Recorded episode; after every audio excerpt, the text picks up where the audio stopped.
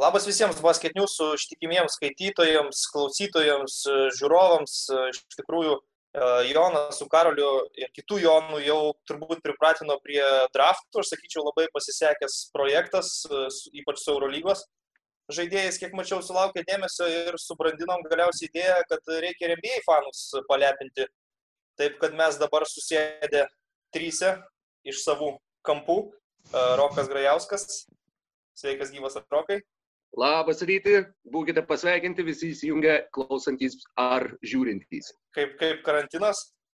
A, nu kaip, sėdžiu namie, a, nežinau, palauk, kažkada buvau nuėjęs iki upės, iki Neries, gyvenu centre, tai čia buvo kiek daugiausiai nuėjau per mėnesį nuo namų.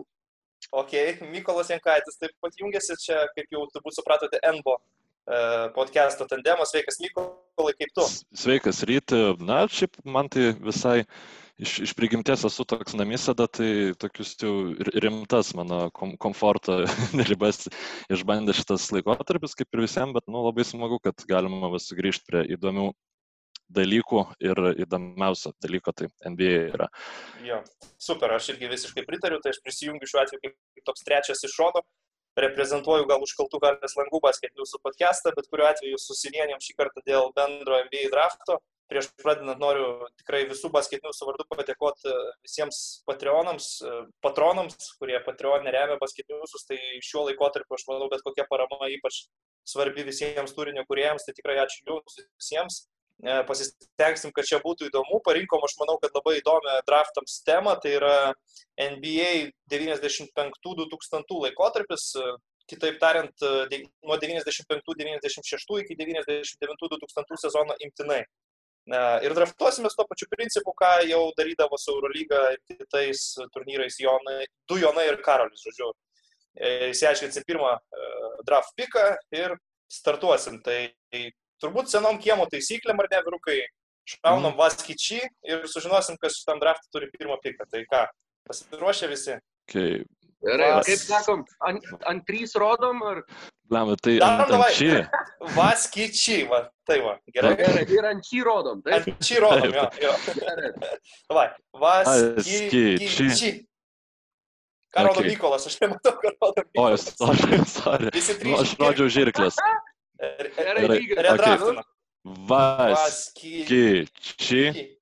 Pas mane šulinys. Ok, pasipoperius.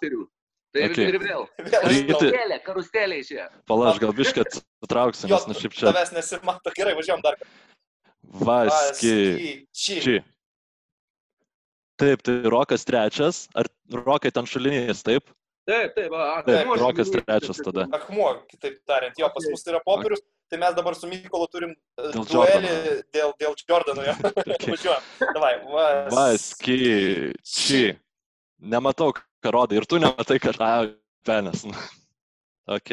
Nukirpau. Okay. Gerai, tai e, gavau garbingą pirmą piką, man atrodo, prie pirmo piko mes e, nepraleisim labai daug laiko, aš čia irgi nebandysiu laužti mandro. Įimu be abejo Michaelą Jordaną, turim specifikuoti kurio sezono, tai statistiškai šio laiko tarp 95-96 sezone Michaelo buvo geriausi skaičiai. Tai 95-96 Jordanas yra mano pirmas pikas, aplink jį be abejo lipdysiu komandą šio laikiniam krepšinėm. Mes aišku taikomės, kad žaistų su šio laikinėmis NBA komandomis dabartinėme krepšinėje, tai aš Michaelui numatyčiau turbūt tokią kaip Lebrono uh, rolę Lakerios, jis būtų mano ir įžaidėjas, ir trečias numeris, ir viskas, ko reikia. Priverstas būtų galbūt išmes daugiau tritaškių nei metė tais laikais, bet aš galvoju, kad e, vis tiek rinktų kokį 33 procentų padorų pataikymą, ką ir Lebronas daugiau mažiau daro, tai mm, nebuvo sudėtinga dėl pirmo šaukimo tikrai. Šiaip dar dėl Jordano. Vienas. Ok, Rokai, tu varyk. Gerai, vienas tik klausimas, Mykolai, tu irgi 95-6 sezoną Jordano buvai išsirinkęs. Jo, aš, aš jeigu būčiau galėjęs... Daugiau klausimų šiuo atveju aš nebeturiu. Aš jeigu būčiau galėjęs, sim būčiau ėmęs, nu, tu prasme, dar ankstesnį Jordaną, nu, tu prasme, jeigu iš, iš ankstesnių metų, nes jis ten buvo jo. iš vis atletikos frikas. Bet šiaip... Aš stat, dėl, statistiškai dėl paėmiau tokį, kur, kaip sakyt, dar savo akim mačiau po stalu su Supersonicsais tą finalo seriją, tai mačiau, paėmiau dar tą tokį Jordaną, kurį pats šiek tiek mačiau tuo metu, kai žaidė. Mhm. Dar vienas įdomus faktas, sorry, vėl Mykolai, kad nutraukti, reikės kažkaip trise, žinai, įprast dėl šito.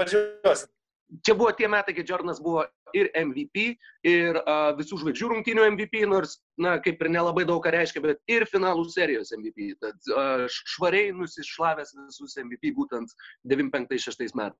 Jo, Mykolai, tai uždaryk Jordaną. Ir... Tiesiog dėl ko aš labai Jordaną norėjau, nu, ne tik dėl, kad jis yra geriausias visų laikų krepšininkas, nu bent jau neginčinai to dešimtmečio, bet ir dėl jo gynybos, nes, nu, nėra žiauriai daug gerai besiginančių, ypač perimetrą žaidėjų tame laikotarpį, iš kurio mes draftina. Tai, nu, ja. labai labai pavydžiu ryčių pirmą šaukimą. Ir dviejų lygmenų žaidėjas. Ir aš tada pereinu prie krepšininko, kurio Jordanas ir šiaip niekas pasaulyje vienas pats negalėtų užginti, ypač tą sezoną, kurį jis žaidė, nežinau, gal norit spėt. Nuskamba kaip Nežinau. Jau džiaugiasi Rokas, nu tai pas, aš, aš imu 99-2000 metų MVP žmogų, kuris, kuriam vieno balso pritrūko, kurį gavo Alenas Iversonas iki pirmo neginčytino MVP, tai yra Šakylas Anilas. Ir tais metais Šakas dar buvo pakankamai vikrus, kad nebūtų sunaikintas nu, šio laikinio moderniam krepšinį ir šiaip krūva yra gynybos sistemų dabar, kuriuose Onilas atrodytų puikiai. Žmogus su savo mase žaidė po 40 minučių per rungtynes, visą sezoną žaidė beveik visas rungtynes rinko po 30 taškų, 14 atkovotų kamolių, 4 rezultatyvius perdavimus, 3 blokus. Nu, žodžiu, beliokoks sezonas iš beliokokio žaidėjo ir tiesiog sirpsta, nu, labai džiaugiuosi, kad e, galėsiu, turėsiu progą aplink jį lipdyti komandą. Mhm, replikuojant, tai tiesą pasakius, aš e, nežinau, gal ir smarkiai šaudau pro šalį, bet pas mane mano pre-drafto tame sąrašiuke šakas buvo ganėtinai žemai vien dėl to, kad aš savo komandai ieškau universalumo, e, kuo daugiau turėti tokių žaidėjų, kurie gali padengti po dvi ar net po tris pozicijos, kai kurie ir po keturias. Tai uh, mažai koncentravausi tuos tokius grynus centrus, nors sutinku iš esmės su Mykolu, kad būtent to laiko tarp šakas, to sezono šakas E, prisitaikytų ir dabar, ir treneris e, turbūt sugebėtų pritaikyti gynybą pagal jį ir iš tuos skaičius susirinktų, gal nežaistų 40 minučių, galbūt ten paskutinės dvi atakas gynyboje jo nelaikytų aikštelėje, bet sutinku, kad vis tiek būtų didelė jėga. Aha, aš tiesą pasakius, Šako neturėjau antroji vietoj, todėl labai džiaugiausi, kai Mykolas paskelbė savo pasirinkimą. Atsižvelgdamas į, sakykime, šį laikmetį ir, ir būtent tai, kiek svarbus šiom dienom yra įžaidėjai ir kaip anais laikais iš tikrųjų pasižiūrėjus į visą įžaidėjų sąrašą, atrodo ištisas penkmetis ir turėtų būti tikrai daug pirmo ryškumo žvaigždžių, tačiau tokių žaidėjų nėra daug, plus labai sunku rasti žaidėjus, kurie pakankamai efektyviai išplėstų aikštę dauguma jų tais laikais buvo beveik, e, na, arba beveik nemetantys, arba prastai metantys iš toli. Ir e, būtent šiais laikais, na, su tokiu žaidėju, juo labiau vidurio polėje, anais laikais irgi nemetė iš toli, tad a, tos a, išvirkščios a, one in, four out sistemos a, pritaikyti su centru, kuris meta iš toli taip pat a, nėra neįmanoma, bet būtų labai sudėtinga. A, todėl mano pirmas šaukimas yra 1995-6 metų geriausiai besiginantis lygos krepšininkas, vienintelis įžaidėjas laimėjęs šitą titulą lygos istorijoje, Gary Paytonas, kuris tais metais rinko po daugiau negu 19 taškų, 7,5 rezultatyvaus, beveik 3 perimtus pagal tai pirmavo lygoje, tritaškius metė 33 procentų taikumu, bet atkrintamosiose tą skaičių pakėlė iki 41 ir būtent dėl to, kad, kad kuo labiau galėčiau gesinti visų, na, bent jau kol kas, sakykime, galioja abi dvi mano vizijos komandai. Viena buvo, kad a, komanda, kuri gerai gintųsi, galėtų daug mesti iš toli ir žaisti labai greitai. Kita, kad jeigu neišsipildys šita vizija, tai tuomet aš labai norėčiau susirinkti tuos žaidėjus, kurių šiais laikais, na nežinau, beveik Patrikas Beverly turbūt yra vienintelė kažko panašaus versija ir tokia gerokai palengvinta. Tai yra, gerokai. Na, tokius psichopatus, bent kiek psichopatus.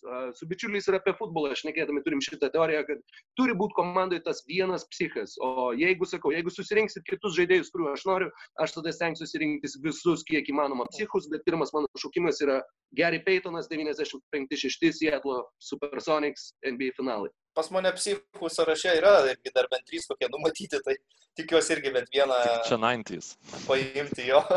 E, šiaip labai geras pikas, aš manau, irgi mano sąraše į į žaidėjo poziciją buvo pirmas numatytas variantas Garis. Būtent tą sezoną. Aš būčiau, na, Roko vietoje irgi tą patį nu, Peitonas buvo labai aukštai pas mane ir tikrai žaidėjų daug nėra, jis teoriškai gali pataikyti iš toli, na, tai e, tikrai pavydžiu ir geras pasirinkimas. Uh, Pala, dabar kaip važiuoja? Dabar Rokas. Rokas dar vieną piką turi. Psichopatą kitą. Gali dar vieną psichinį paimti. O, ne, čia yra tobuliau, tobuliau negalėjo būti. Rimtai. 95-6 metai sezonas tas pats, pirmas geriausias lygos žaidėjų penketas, pirmas geriausias besiginančiai, geriausiai besiginančių žaidėjų lygos penketas, penktas uh, MVP rinkimuose tame sezone likęs 30 metų Scotty Pippenas jungiasi prie Gary Paytono ir jūsų perimetro linijom bus sunku gyventi prieš mano komandą. Uh, po daugiau negu 19 taškų, 46 procentai žaidimo, 37 procentai tritaškių, beveik 6,5 atkovoto, beveik 6 rezultatyvūs perdavimai ir šitą peržiūrint būtent jo visos karjeros uh, statistikos rodiklį. Buvo sezonų, kur Scottie Pippenas rinko 21,7 kamuolius, 7 rezultatyvius perdavimus. Tad nors mes jį atsimenam kaip uh, tą Robiną Jordano Batmanui, bet iš tikrųjų būtent jo žaidimo kūrimo elementas buvo tas, kuris man taip pat kažkaip, nežinau, nusibraukė truputėlį, aš visą laiką įsivaizdavau, greitai bėga, atletiškas, puikiai ginasi, gali pataikyti iš bet kur, bet būtent, būtent jo kamulio skirstimas ir tas komandos draugų atradimas buvo mane truputėlį nustebinęs uh, elementas, nes nelab, atsimenu labiau iš Blazers laikų, kai jie žaidė su Savoniu, kad Pipenas tikrai puikiai surasdavo komandos draugus. Iš Čikagos laikų man šitas nebuvo įsiminęs ir labai džiaugiuosi, kad kartu su Peitonu turiu ir Scotty Pippeną ir uh, pirmi du šaukimai man labai patiko, džiaugiuosi, kad pralaimėjau Vaskyčiai partiją.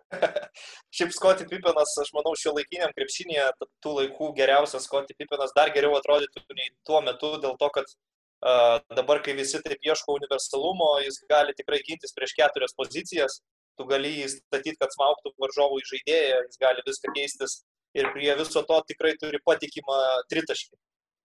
Šiais laikais jis jų išmestų turbūt dar daugiau nei tada. O, jo manau, metimas tikrai bent, geras. Bent trigubai. Bent tai, tai va, o, o metimas puikus, technika nepriekaištinga, tai aš sakau, jis dar geriau turbūt atrodytų šio laikinio mhm. krepšinio. Vienas iš tų žaidėjų turiu dar keletą tokių, kurie galbūt ir anais laikais ne, nebuvo tokiom ryškiom žvaigždėm, bet mano manimu būtent šiem laikam labiau tiktų. A, tad apie juos, apie juos vėliau dabar Mykolai tavo, ne? Jo, dabar aš, na, sugniždai, Rokai, tu mane su šitu savo pasirinkimu labai tikėjausi, kad, e, nu, nieko čia nereikėjo tikėtis, Pipenas buvo pas mane trečias sąraše ir, nu, fuf, e, nėra daug lengvų kraštų, ypač tų, kurie galėtų normaliai gintis ir dar praplėsti aikštę. Tai, nu, čia jau realiai apart Pipeno visa kita yra pritempinėjimas. Nu, ta prasme, nėra to žmogaus, kuris galėtų kavajų pasimti ant savęs, kuris e, galėtų ten taip pat ir Janę, nu ir kitus, žodžiu, ir dar pataikyti iš toli. Tai aš dabar e, svarstau, e, su išmušta šiek tiek iš vėžių, bet galvoju, kad vis dėlto, e, turint omeny, kokį psichopatą e, turi Rokas e, gynyboje jau, aš pasiimsiu, na, velniai nematė Aleną Iversoną. Ir Alenas Iversonas pas mane bus irgi iš to paties sezono kaip ir Šakylas Anilas, tai vienintelis žmogus gavęs dar vieną MVP balsą tais metais. Ir tiesiog dėl ko aš imsiu Aleną Iversoną, nes, na, krepšininkas galintis padaryti taškus bet, bet kada ir taip pat ypač tokiu karjeros laikotarpiu jisai tikrai buvo geras perimetro gynėjas ir labai gerai lindo iš užtvarų bei panašiai. Taip, Rokai. E, į kurią poziciją nominaliai įdedi? Kad... E, kol kas neaišku.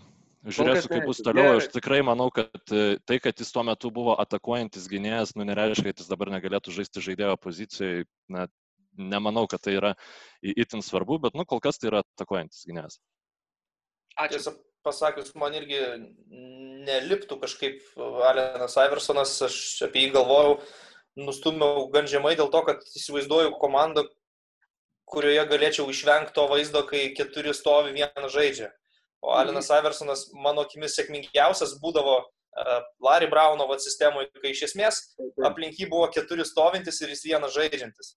Uh, Bet, bet svarbu, kad tie keturi stovintis, nu jie realiai jie buvo stovintis, ten nu, nebuvo nu krepšininkų, kurie galėtų, tu prasme, padėti ir Iversonas, nu jis belė kokius krūvius turėjo savo karjeros pačioj pradžiai ir galbūt dėl to jis paskui taip tokią ankstyvą deklainą turėjo, kad, nu, tapo, nežinau, fol, mūsų folkloro pajokos objektu, kad čia, va, tipo, vienas žaidžia, Iversonas žaidžia, komanda pralaimi, bet, na, turint omeny, kokio lygio krepšininkai būtų aplink jį, uh, bus tikrai geri, tai net nemanau, kad negautų jie, kad Danilas negautų su Iversonu žaisdamas kamuolių. Nu, nu, ne, nu jo, jo, aš sutinku, tiesiog, nu, faktas, kad Iversonas ant stalo deda labai didelius talentus, bet čia toks į, įkomponavimas į komandą, hipotetinės situacijos, ar, ar jis būtų sėkmingas, man tas kėlė bejonių, bet suprantu tavo argumentus, kodėl tu jį pasirinkai.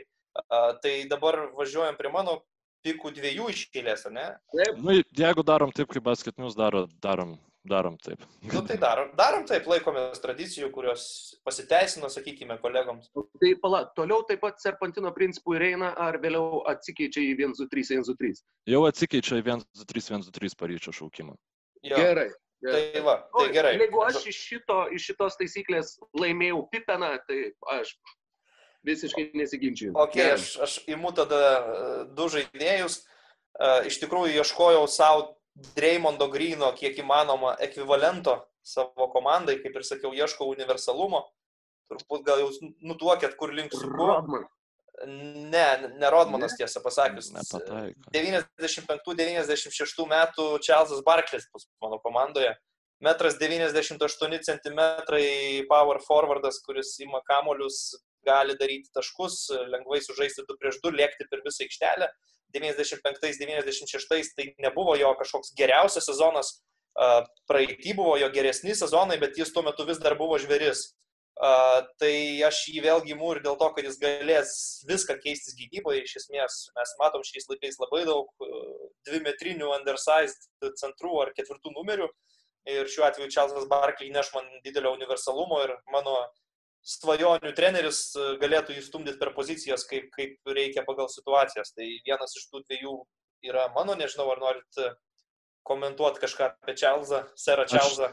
Aš, aš tai mm, manau, kad ypač tas Čarlzas Barkley, nu, kuris jau, jau va čia 95-96, aš nu, ne, nematau jo besikeičiančio per visas pozicijas. Nu, man tiesiog atrodo, kad e, jau, jau tie metai buvo praeitį, dėl to aš irgi iš pradžių galvojau apie Barklį kaip apie labai aukštoje vietoje atsirasantį žaidėją, tačiau man atrodo, kad e, tiesiog ta reputacija, kurią jis užsitarnavo savo nu, jaunesnėse dienose, šiek tiek e, mhm yra kitokia nuo realybės, kuri jau yra ta antroji dešimtmečio pusė. Jo, bet aš taip e, studijuodamas ir skaičius, nu, sakyčiau, labiau nuo 97-98 jau prasidėjo toks... Nu, kai jis Rockets atėjo. Didelis nusileidimas jo Houstonio. Rockets truputį vėliau, ne? Jo, ro, į Rocketsus jis atėjo po to, kai Rocketsai 3 numeris gavo nuo... Ne, 96-7, atsiprašau, jis jau buvo Houstone. Jo, tai, tai buvo paskutiniai jo, jo visų žvaigždžių metai. Tai 95-96 mano mhm. nuomonė, vėlgi labiau remiuosi YouTube highlightais ir skaičiais, bet mhm. jis vis dar buvo labai efektyvus žaidėjas ir toks, koks jis buvo tada, aš manau, jis vis dar galėtų pasitarnauti man ir dabar, jo labiau, kad taškus darančių žaidėjų man užteks kitose pozicijose, tai iš jo man reikės atkovotų kamolių ir gynybos. Tada mhm. kitas mano ėjimas yra pastatyti snaiperių kuo daugiau aplink paskui Michaelą, kas turbūt yra logiška, kad kai jis sutrauks į save žmonės būdos aikšteliai, būtų kam numest kamuolius. Ir čia irgi dviračio neišradinėdamas įmų to laikotarpio turbūt geriausią metiką Reggie Millerį. Uh, konkrečiai 96-97 sezono, vėlgi statistiškai iš šio laikotarpio jam geriausias sezonas pagal procentus, pagal pelnytus taškus taip pat. Irgi turbūt yra žaidėjas, kur aš įsivaizduoju, kad šio laikinėme krepšinėje pagal dabartinės tendencijas ir madas, jam galbūt netgi dar lengviau gyventi, ypač tokioje geroje komandoje, kur aplink jį būtų uh, superiniai talentai, jam reikėtų tik mesti savo metimus. Tai Reggie Millerio tų visų kultinių epinių pasirodymų jau net, ne, ne, net pasakosiu, kas, kas buvo su New York Knicks dvikovos ir taip toliau. Visi žinot, koks mirtinas metimas Ir aš galvoju, kad tiktų jisai ir šių laikų krepšiniui, geri duomenys, ilgos rankos, taigus metimas, viską turi ir prie Michaelo Jordano aš manau jis būtų puikus. Mm, jo, nu, Milleris, džiaugiuosi, kad Rokas jo nepasėmė, nes Peitono ir Millerio, be, ta prasme, nu, nieks negalėtų žaisti prieš du žmonės, kurie taip gerai iš kantrybės sugeba išvesti. Jo, bet uh, Reggie Milleris, uh, jo statistika, palauk. Um... Nu, yra ta šiaip mintis, kad jis buvo pervertintas šiek tiek, bet aš... Ne... Simonso, taip, aš irgi klausiausi. Nebūtinai pritariu šitam, nu, ta prasme, nu, tikrai žiauriai geras žaidėjas. Uh, vienas, va, tikrai, va, skaičius, kurį irgi, neskaičius faktas, kurį besiruošdamas užsirašiau, buvo, kad, uh, pala, turite, sakai, šeštų, septintų, taip? Jo, iš šito penkmečio. Jo, septintais, aštuntais aš buvau išsirašęs Millerį ir tais metais jisai buvo trečią kartą iš eilės trečiam geriausiam penketukė NBA žaidėjų ir aukščiau jisai niekada nebuvo. Mm. Jis niekada nebuvo top 10 NBA krepšininkas ir tris kartus buvo top 15 arba vienas iš top 6 gynėjų. Uh, tad, sakykime, kai jį, ats, kai jį atsimeni, jį kažkaip, nežinau, truputėlį mitologizuoji ir romantizuoji, kaip būtent tie visi aštuoni taškai per 7 sekundės ir visos tos istorijos, uh, jos iš tikrųjų buvo pakankamai na, netokios dažnos jo karjeroje, tiesiog buvo labai įsimintinos ir labai įspūdingos. Ir na, dėl to aš jį buvau pasidėjęs žemiau, tačiau būtent kaip a, tarp Jordano ir Charleso Barkley pastatyti Reggie Millerį yra, yra... Jo, supranti, niekas negalėtų ginti. Mano kitas komandos komplektavimo argumentas, kad, na, jeigu aš jau turiu vadinamą GAUT, man reikia mhm. subalansuotos komandos, man apsistatyti penkiais super, super, super starais neapsimoka, man reikia specifinių talentų ir šiuo atveju aš tikiu, kad Reggie Milleris man atneš tai, ko reikės ir, tiesiog jis yra mano komandai, nors logiškai individualiai geresnių žaidėjų su geresniais CV virš jo tikrai yra daug iš to laikotarpio. Tai Visiškai pritariu, tiesiog taip pat norėjau, nežinau, tai, kažkiek. Kadangi tiek nuo, tiek nuo gerokai žemiau, tai norėjau pabrėžti, kodėl turėjau gerokai žemiau. Ok, tai judam tada toliau, iš, iš okay. mano pusės tiek. Aš e, tiesiog matau, kad, na, mano komandai irgi problemų su taškų pelnimu net, neturėtų būti, arba vienaip, arba kitaip jie bus jo, ir, bet problemų bus e, ginant e, kitus krepšininkus, tai aš, na, esu priverstas, tiesiog jeigu jūs paimsit šitą žmogų, aš nebežinau, ką aš darysiu toliau.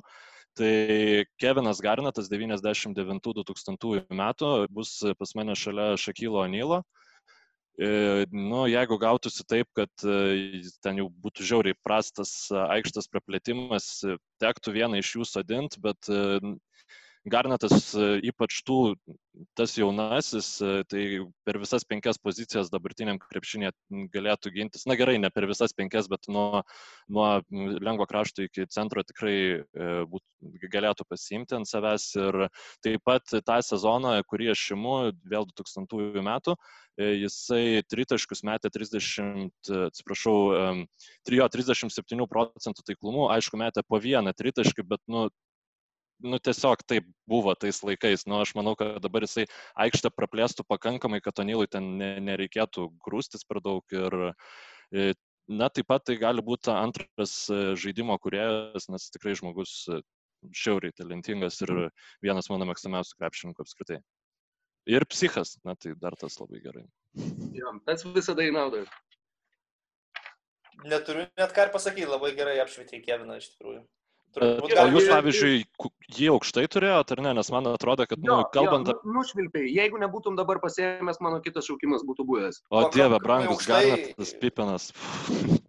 Tiesą pasakius, aš jį buvau nusipaišęs savo į penktą poziciją. Pas mane didžioji dalis žaidėjų, kuriuos aš planuoju statyti centrais, yra to laikotarpio mm -hmm. ketvirti numeriai. Taip. Nors turiu ir išimčių susižymėjęs, tai Kevinas Garnetas būtent 99-2000 aukštai pas mane pastatytas. Nu, manau, kad tau didelis lobis bus prie turimos komplektacijos toks žaidėjas, kaip ir sakai, pacementuo žaidimą ir aš galvoju, e, galima pasvert taip e, tą emocinį faktorių, kad aš įsivaizduoju, kad turėti Keviną Garnetą Rubinį, turint Keviną Garnetą Rubinį, tavo komanda negalės būti nemotivuota. Nu jo, ir negalės būti kažkokių, nu žodžiu, čia jau, nu, jau labai giliai lendant, bet... Duodam, duodam rokui žodį, gerai. Gerai, a, aš lieku ištikimas savo, lieku ties 95-6 metų sezono. A, paskutinio sezono, kai geriausiai besiginančių žaidėjų pirmame penketuke buvo Denisas Rodmanas. Ir kalbant apie psichus ir apie gynybą, vienintelis, sakykime, vienintelis klausimas, vienintelė bėda yra be abejo dėl aikštės išplėtimo, kadangi Rodmanas, kurį aš bent jau kol kas rašau ketvirtų numerių, tikrai nebuvo toli gražu neturėjo snaiperio savybių, bet tai yra taip pat krepšininkas, kuris eilę kartų buvo išrinktas į tas geriausiai besiginančių žaidėjų penketukus, buvo apskritai vienas geriausiai besiginusių žaidėjų lygos istorijoje. Taip pat žmogus, kuris šiuo atveju galėjo visas penkias pozicijas uždengti ir šalia Peitono ir Pipeno, sakau, dabar jau mano komandos veidas man truputėlį formuojasi ryškiau. Ir, bet, bet trūks tik tai pridėti žaidėjų, kurie taip pat galėtų pataikyti, kadangi tokių, sakykime, vienas pats metimus besikūrenčių krepšininkų kol kas nėra, bet ta gynyba yra tokia, kurią, kurią aš norėčiau pamatyti ir norėčiau pamatyti kaip Na, jeigu Clippers šiais metais atrodo kaip tokia gynybos svajonių vos ne komanda 2020 metam, tai 95-6 Peytonas, Pipenas, Rodmanas čia yra gynybinis stuburas, kuris, kuris skamba man bent jau žvėriškai įdomiai nu, Denisas Rodmanas bet kokiam kontekste skamba žvėriškai įdomiai, nebūtinai ne dėl krepšinio. Netgi filme su Vandamu, tai žinai, bet, bet e, man smagu, kad, e, kaip sakant, tokį žaidėją įvertinom savo draftę pakankamai aukštai, nes taip realiai vadovaujantis klišėmis, ten vieną klai žiūrinti skaičius ar į tai, kad jis nepataiko tritaškio, E, būtų pakankamai lengva nusistumti jį kažkur į apačią ir draftuoti prie atsarginių. Tai, sakyčiau, drasus žingsnis. Beje, tais metais jisai pataikė net celus 3 tritaškius iš 27, taip kad jis kažkodėl mesdavo juos. Bet... Mm.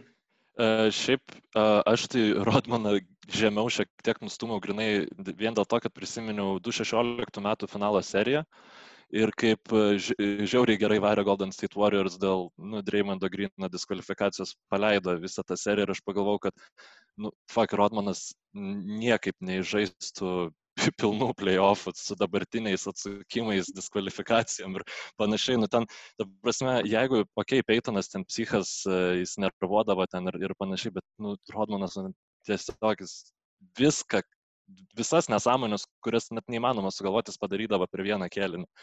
Tai ten, nu kaip jis Malauną gynė, tai aš, na, jeigu jis Lebroną taip pat gintų dabar, tai aš ten nežinau.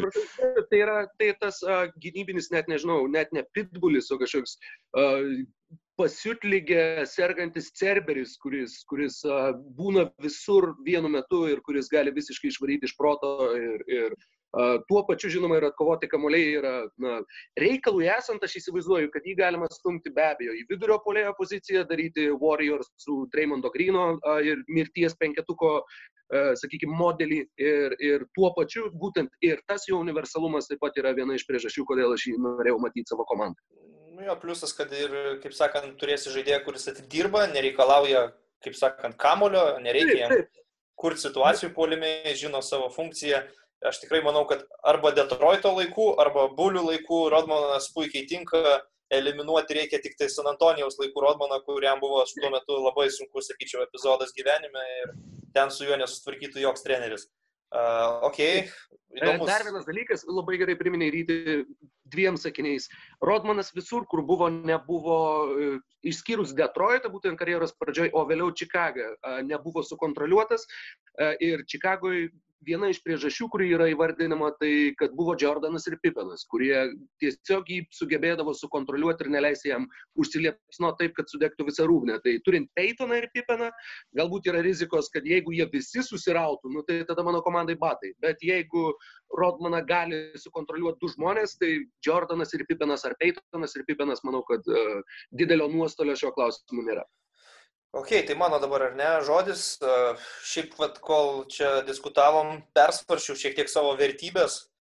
Buvau numatęs vieną, bet galiausiai sugalvojau kitą, pagalvojau, kad vis dėlto noriu turėti bent vieną centrą klasikinį, kuris žaidžia į vidų, duotų man variantų baudos aikštelėje. Ir pasirinkimų čia užtektinai. Tikrai puikių žaidėjų pasirinkimas, aš sakyčiau, gan platus bet man ir marškinėliai liepia, ir, ir, ir principai liepia pasukti Teksasą. Ir imu 95-96 metų Davidą Robinsoną. Netgi ne Timmy D, o įimu mm. Davidą Robinsoną, patį poną admirolą. Nu, būčiau spėjęs, kad imsi Duncaną. Uh, jau buvau pradėjęs. Sakai, kad... Parašiau D ir tada padariau. Tai aš, aš iš tikrųjų ir, ir mėčiausi dėl to, kad Timas gal buvo numatytas pas mane iš pradžių, bet aš tai paėmiau atstaigiai ir apsigalvojau ir imu Davidą Robinsoną dėl uh, kelių priežasčių. Nu, vėlgi, jeigu abu šitos pursų bokštus lyginti, abu yra fantastinio charakterio profesionalai ir su nei vienu iš jų nebūtų problemų. Bet Davidas Robinsonas, aš galvoju, 95-96 jis vis dar buvo jėgų žydėjime, sakykime taip, vis dar rinko labai gerus skaičius. Tai yra... MVP sezoną čia buvo kitas sezonas jo, taip? Matyt, kad taip. Žmogus neįtikėtinai gerai pasiruošęs fiziškai žaisti krepšinį. 2,16 m, praktiškai tobulas kūnas, jis gali stumdyti su bet kuo, pro jį nepraeisi lengvai, jis gali dominuoti ir polime, kai to reikia, o kadangi aš turėčiau komandoje Michaelą Tai aš įsivaizduoju, kad man Davidas Robinsas duotų tikrai daug taškų šio laikiniam krepšinėje iš antrų šansų. Gerai su juo gali žaisti pick and rollą. Patikimas, sakau, kūnas gynyboje, uždarantis baudos aikštelėje ir, ir jei man reikėtų stoti prieš, na, tarkime, Lakerius žaisti vakarų konferencijos finalo serijos, aš laikyčiau jį kaip turbūt savo kontrargumentą tiems momentams, kai Deivisas žaidžia centru. Tai pasirinkimas toks. Davidas Robinsonas į vidurio polėjo poziciją ir starto penketė pas mane lieka tik pirma pozicija laisva. Aš šiaip visai pritariu tau dėl jo fizinių domenų, nes man atrodo iš visų tų modernių, nemodernių 90 centrų Robinsonas, na, mažiausiai reikėtų prie jo derint kažkaip gynybą, kad jis ten prisitaikytų, kad jo nereiktų, nu, jo nereiktų slėpti, nes jisai tikrai ilgas kojas labai turėjo ir toks kaip, kaip gazelė lakstydavo po tą aikštę. Tai, nu, ir rankos žiauriai staigios, jo. stiprios, taip kad aš galvoju irgi, kad su juom problemų nebūtų dėl, dėl gynybos sistemų.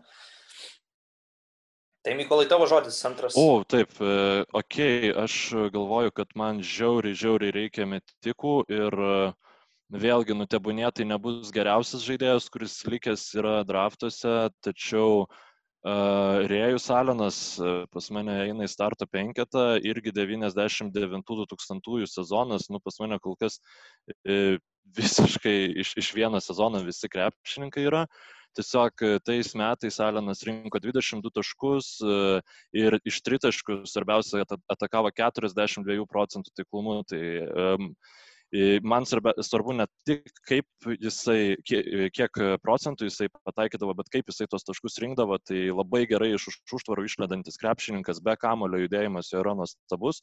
Na ir aišku, atsiprašau, šiais laikais nu, jisai turėtų, manau, tik tai žaisti geriau, nematau priežasčių, dėl ko jam turėtų būti sunkiau.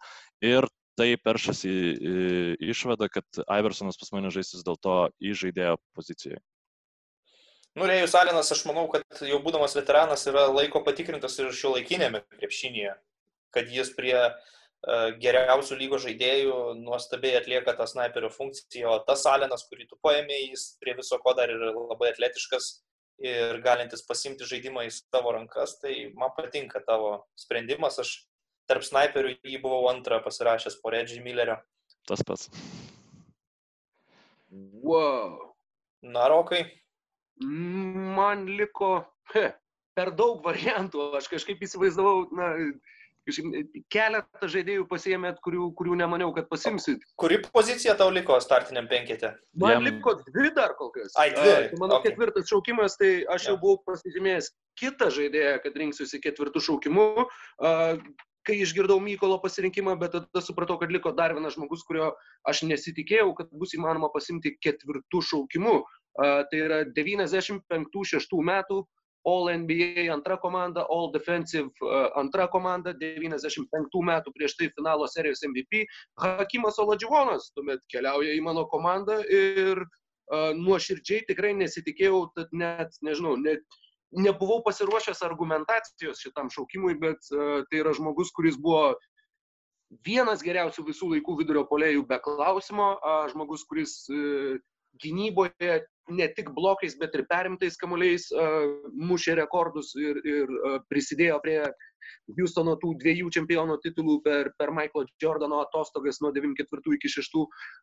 Ir 96-7 jo statistika jau buvo pradėjusi smūgti, tačiau tai vis viena buvo labai aukšto lygio krepšininkas, be jokios abejonės. Ir iš likusių vidurio polėjų, kadangi buvo paimtas iš tų nominalių centrų, atsiprašau, du, Šekas ir Davidas Robinsonas, Oladživoną aš su kaip čia pasakyti, nedrebančia širdimi statyčiau tiek prieš vieną, tiek prieš kitą. Tad uh, Hakimas kartu su Peytonu Pipenu ir Rodmanu ir man liko vienas starto penketo žaidėjas ir man vis dar keista, kad tiek daug pasirinkimų turiu, kad dar jų liks ir toliau. Aš iš tikrųjų lab, tas kelias sekundės ir dvėjojau, ar Davidą Robinsoną imsiu, ar Hakimą ir paėmiau Robinsoną dėl to, kad man jis išlikęs iš tų laikų atmintyje kaip greitesnis, greičiau bėgantis ir mažiau reikalaujantis kamuolių įmesti jam į paustą, nes vis tiek, jeigu tu turi Hakimo Ladživoną, tau reikės daug per jį žaisti. O aš norėčiau daugiau žaisti tą perimetro šiuolaikinį krepšinį ir man vidurio polėjo reikia polime atkovotėm kamuoliam ir pick and rollam. Nors nesakau, kad Hakimas to nepadarytų, bet tiesiog va, tokie mini argumentai mano buvo už Davidą Robinsoną prieš Oladživoną. Kuris... Galų galę aš šiaip tu sėdi su sparsų marškinėliais. Nu jo, tai aš čia neturiu net teisintis. Aš šiaip norėčiau reflektuoti labai greitai ties Oladžiuonu, tai aš šiaip buvau jį nusimatęs kaip antrą savo šaukimą po Jordaną, kol galvau, kad mes darysim 94-95 sezoną bus mhm. galima imti. Mhm. Ir tada pasižiūrėjau, kaip žiauriai buvo sudaužyti e, Rocketsai serijoje būtent tą sezoną, kurio Oladžiuoną tu pasiemi. Ir jie buvo sudaužyti Seattle Supersonics komandos, kuri buvo tuo metu turbūt panašiausiai į, į modernų krepšinį žaidžianti komanda, kuri žaidė smallbolą su Perkinsu ir Šonu Kempu, nu, tokį saliginai. Oladžiuonas buvo visą laiką dvigubinamas ir jis toj serijoje tikrai atrodė, na, lietokas, jis nesuspėdavo į kontratakas, į, į Šono Kempo, žodžiu, ir Peitono tandemą. Na, tikrai jis dažnai palikdavo tos žmonės už nugaros, tai dėl to aš, pavyzdžiui, manau, kad Robinsonas realiai mažiau prie jo adaptuotis netgi reikėtų negu prie Oladžiuono. Nors Oladžiuonas, jisai, nu, visiems. Fenomenalus, fenomenalus žaidėjas tikrai. Ir, ir mūsų karta gal nematė jo geriausios tos versijos, mes jį atradom paskui jau iš dokumentinių filmų ir senų rungtynių įrašų. Šiek tiek pamaudu. Suveikė tikrai ir sentimentai dėl to, kad žiūrėjau tas uh, finalo serijas, kai būtent Rockets laimėjo uh, tuos savo porą titulų tiek su yeah. Nixon, tiek su Magic. Uh, ir ten, ten nuostabiai atrodė Hakimas ir teisingai tai jau buvo na, jau toks vos vos už Zenito jo karjeros laikotarpis, jam 34 metai tame sezone, kuriame aš jį pasėmiau, bet, uh, sakau, galbūt ir sentimentai veikia ir todėl Nors, kai jūs pradėjote šnekėti, tada supratau, kad tas žmogus, kurį buvau pasižymėjęs vietoj jo, būčiau ėmęs, jeigu jo būtų nelikę, tai gal būtų ir net labiau tikę. Sugebėjo įtikinti mane priešingai, bet... Na nu, gerai. Rinkęs hakimą gailėtis aš tikrai negaliu. Negali, aš irgi taip manau. Reikia užsidarinėti starto penketus, man trūksta įžaidėjo, pirmo numerio, nors aš jau atskleidžiau filosofiją, kad pas mane Michaelas Jordanas žaistų, funkcionuotų kaip Lebronas Lakeriuose ir realiai mes jį turėtumėm turbūt vadinti žaidėjų, bet pirmo numerio vis tiek reikia starto penketui ir čia gal truputį nustebinsiu, aš taip bent jau manau, kad nustebinsiu savo pasirinkimu, nes šiaip yra likęs tas žmogus, kuris yra asistų meistras, e, pick and roll genijus, bet aš jo neimsiu į komandą, o mano komanda, aš noriu, kad turėtų dvimetrinį žaidėją ir labiau talentingo dvimetrinio žaidėjo tuo laiku nebuvo nei Penny Hardavėjus. Tai yra 95-96 Penny Hardavėjus, dar nesugriuvęs, dar prieš e, pačias sunkiausias traumas. 95-96 sezoną jis sužaidė beveik visą, uh, išsaugojęs turėjo tada visas savo gerasias savybės ir net buvo paimtas į Atlantos olimpinių žaidinių JAF rinktinę. Tai argumentai labai paprasti, tai yra 2 metrai 1 cm centimetras, e, super talentingas, puikiai kamoliu valdantis krepšininkas, kuris gynyboje tris pozicijas laisvai gali imti, jo duomenys fiziniai tai leidžia jam daryti. E, kaip sakiau, puikiai valdo kamoliu, pakankamai komandinis žaidėjas, kaip ir didelė dalis to, to laiko tarp krepšininkų snaiperių jo nepavadinsi, bet e, rinkausi iš to, kas buvo. Iš tikrųjų, 95-96 sezonais tritaškių net netiek mažai išmesdavo, Ir kaip ir minėjau, jis dar tuo metu nebuvo sugriuvęs, nes vėliau Penny Hardavėjus 21 amžiaus pradžioje jau buvo potrauminis, sunkiai pažaidžiantis ir nebe toks, koks jis e, turėjo būti pagal savo potencialą. Tai jis uždaro mano penketuką, mano žaidėjas ir aš galvoju, kad su tokiu starto penketu turėsiu daug universalumo, ypač gynyboje. Pas mane žaidėjas aukštesnis nei ketvirtas numeris. Barkley 198, o Penny 201. Nu tai visiškai modernaus krepšinio etalonas, tik tai kad metikų pas tave, nu šiaip nėra labai daug. Nu, Reggie Milleris. Nu taip, toks J.J. Redikas pernai metų Sixeras, toksai, kur niekas daugiau nepataiko. Tai...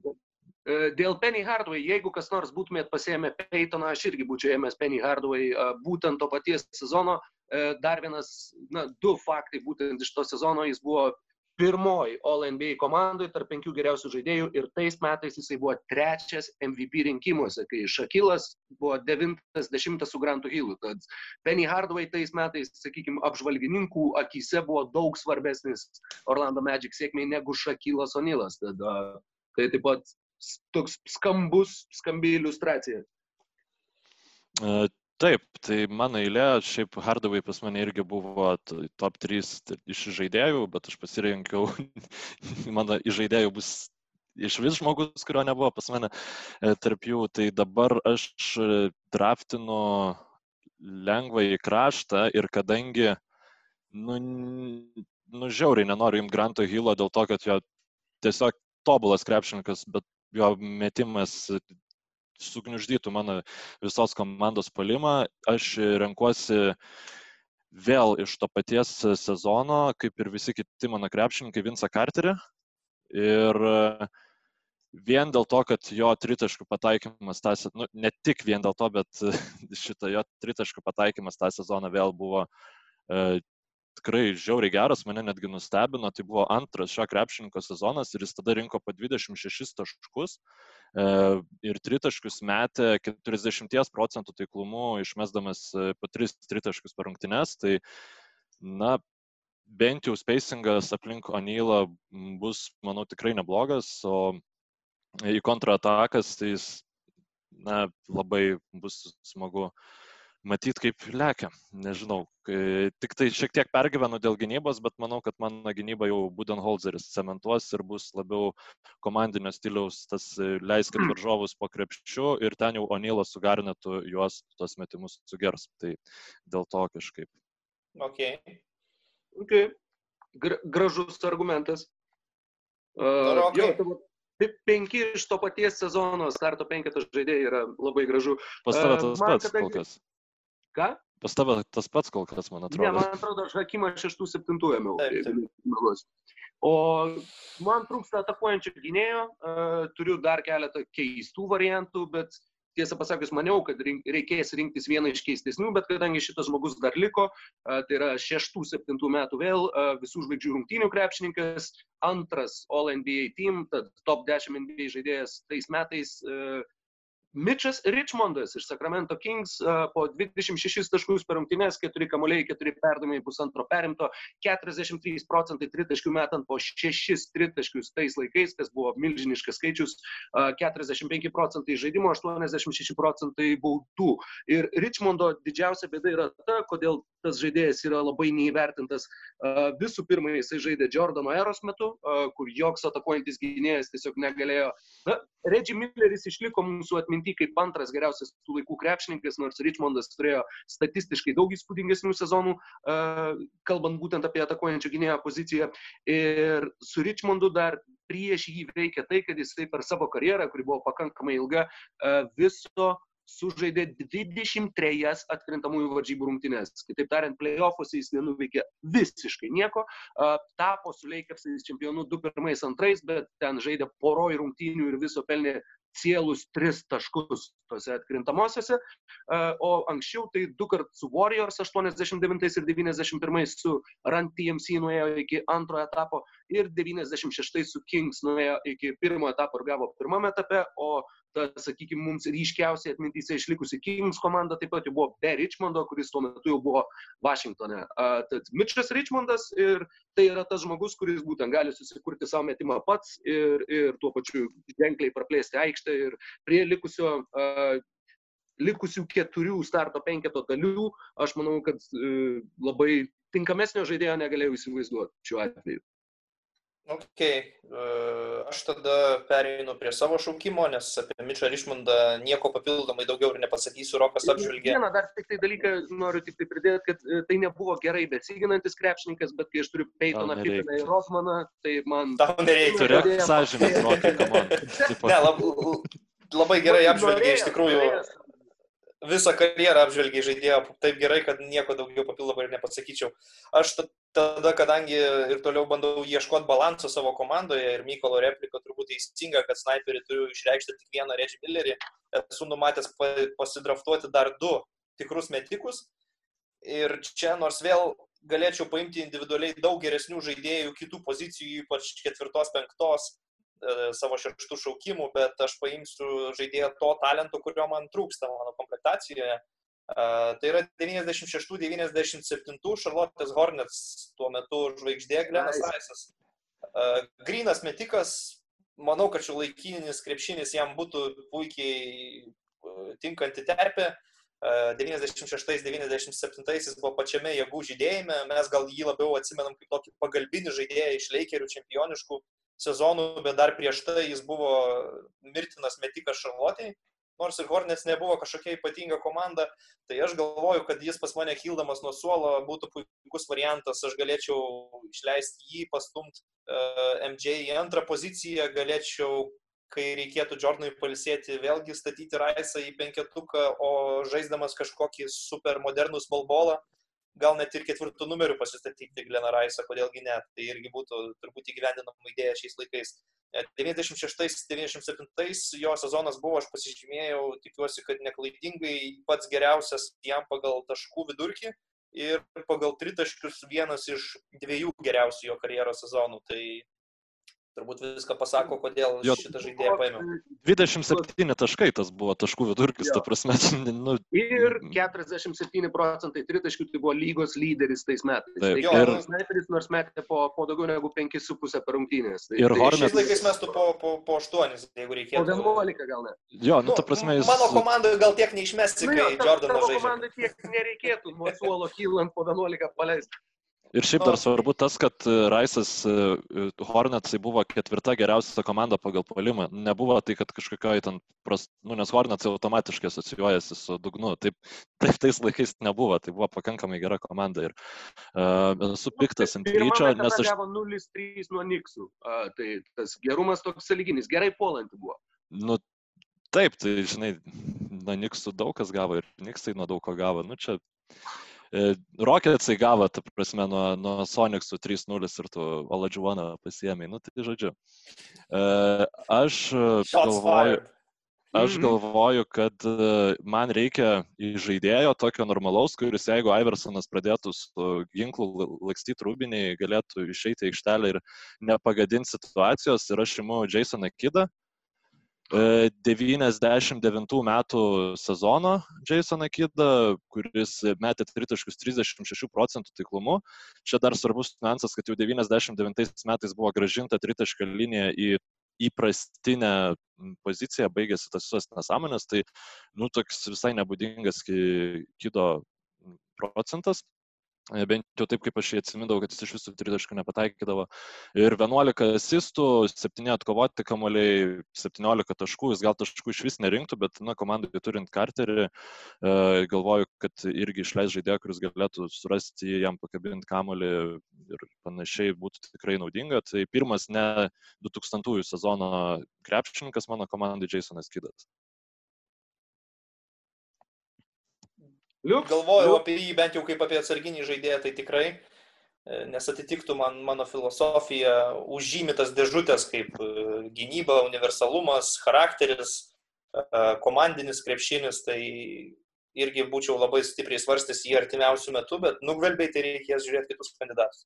Jo, plus jisai 2.11 sugebėjo gintis prieš Lebroną Jamesą, aš pamenu, tada žiūrėjau ir aš nesupratau, kaip taip gali būti, kad Kidas gina Lebroną ir nu, tas irgi labai bus naudinga man.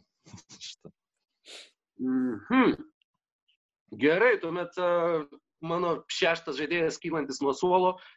Jeigu komanda, sakykime, mano vizijoje dažnai varijuos tais penketais, dažnai žais žemesnių penketukų, dažnai Oladžvonas galbūt ne, ne Zaza Pačiulijos ar Džiaveilo Magi Warrior stilium, tačiau taip pat pradės rungtynes, pirmas sės ant suolo ir vėliau galimai pirmas kartu su dar vienu žmogum grįš į aikštę su Johnu Stocktonu antro penketo polimas per Stocktoną ir, ir Olodžvoną, man atrodo, tikrai bus, bus kažkas labai sunkiai sustabdomo. Johnas Stocktonas, dabar matau, kad išsirašiau ne tą sezoną, tai tuoj pala pažiūrėsiu.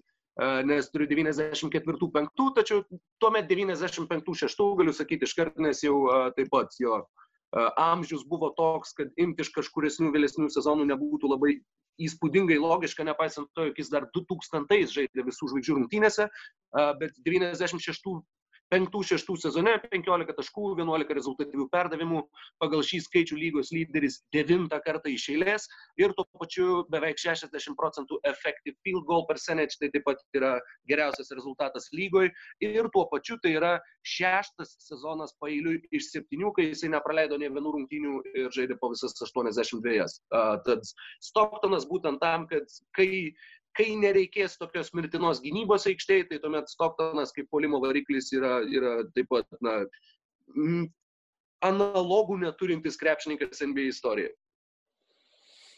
Uh, gerai, dabar man reikia aukšto žaidėjo, septintas mano šaukimas, aukšto žaidėjo, kuris gali kilti ir į ketvirtą, ir į penktą poziciją. Turiu tris kandidatus iš tikrųjų, už kiekvieną iš jų trijų turiu savų argumentų, mm, bet uh, pasirinksiu žaidėją, kuris, kaip sakant, surinko per karjerą fantastinius skaičius, padarė labai daug dalykų savo organizacijoje, būdamas e, jau pensininkas beveik dar bandė sumedžioti žiedą nesėkmingai, bet e, baigėsi visi žinom kaip jam e, karjera. Tai tas žmogus yra Karlas Malonas.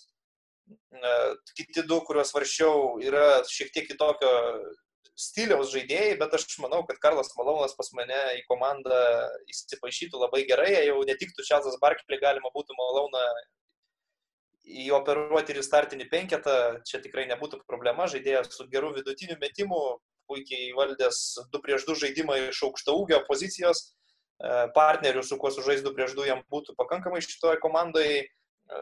Galima sakyti, su savais minusais žaidėjas, e, statistiškai iš to laikotarpio įimu to sezono Malauną, kai jis fiksavo dvigubą dublį, tai buvo 97-98, rinkdavo po 27 taškus ir 10 atkovotų kamolių per rungtynes. Tai imu paštininką, galvoju, kad jis prie mano rimtos kompanijos e, tikrai pritaptų.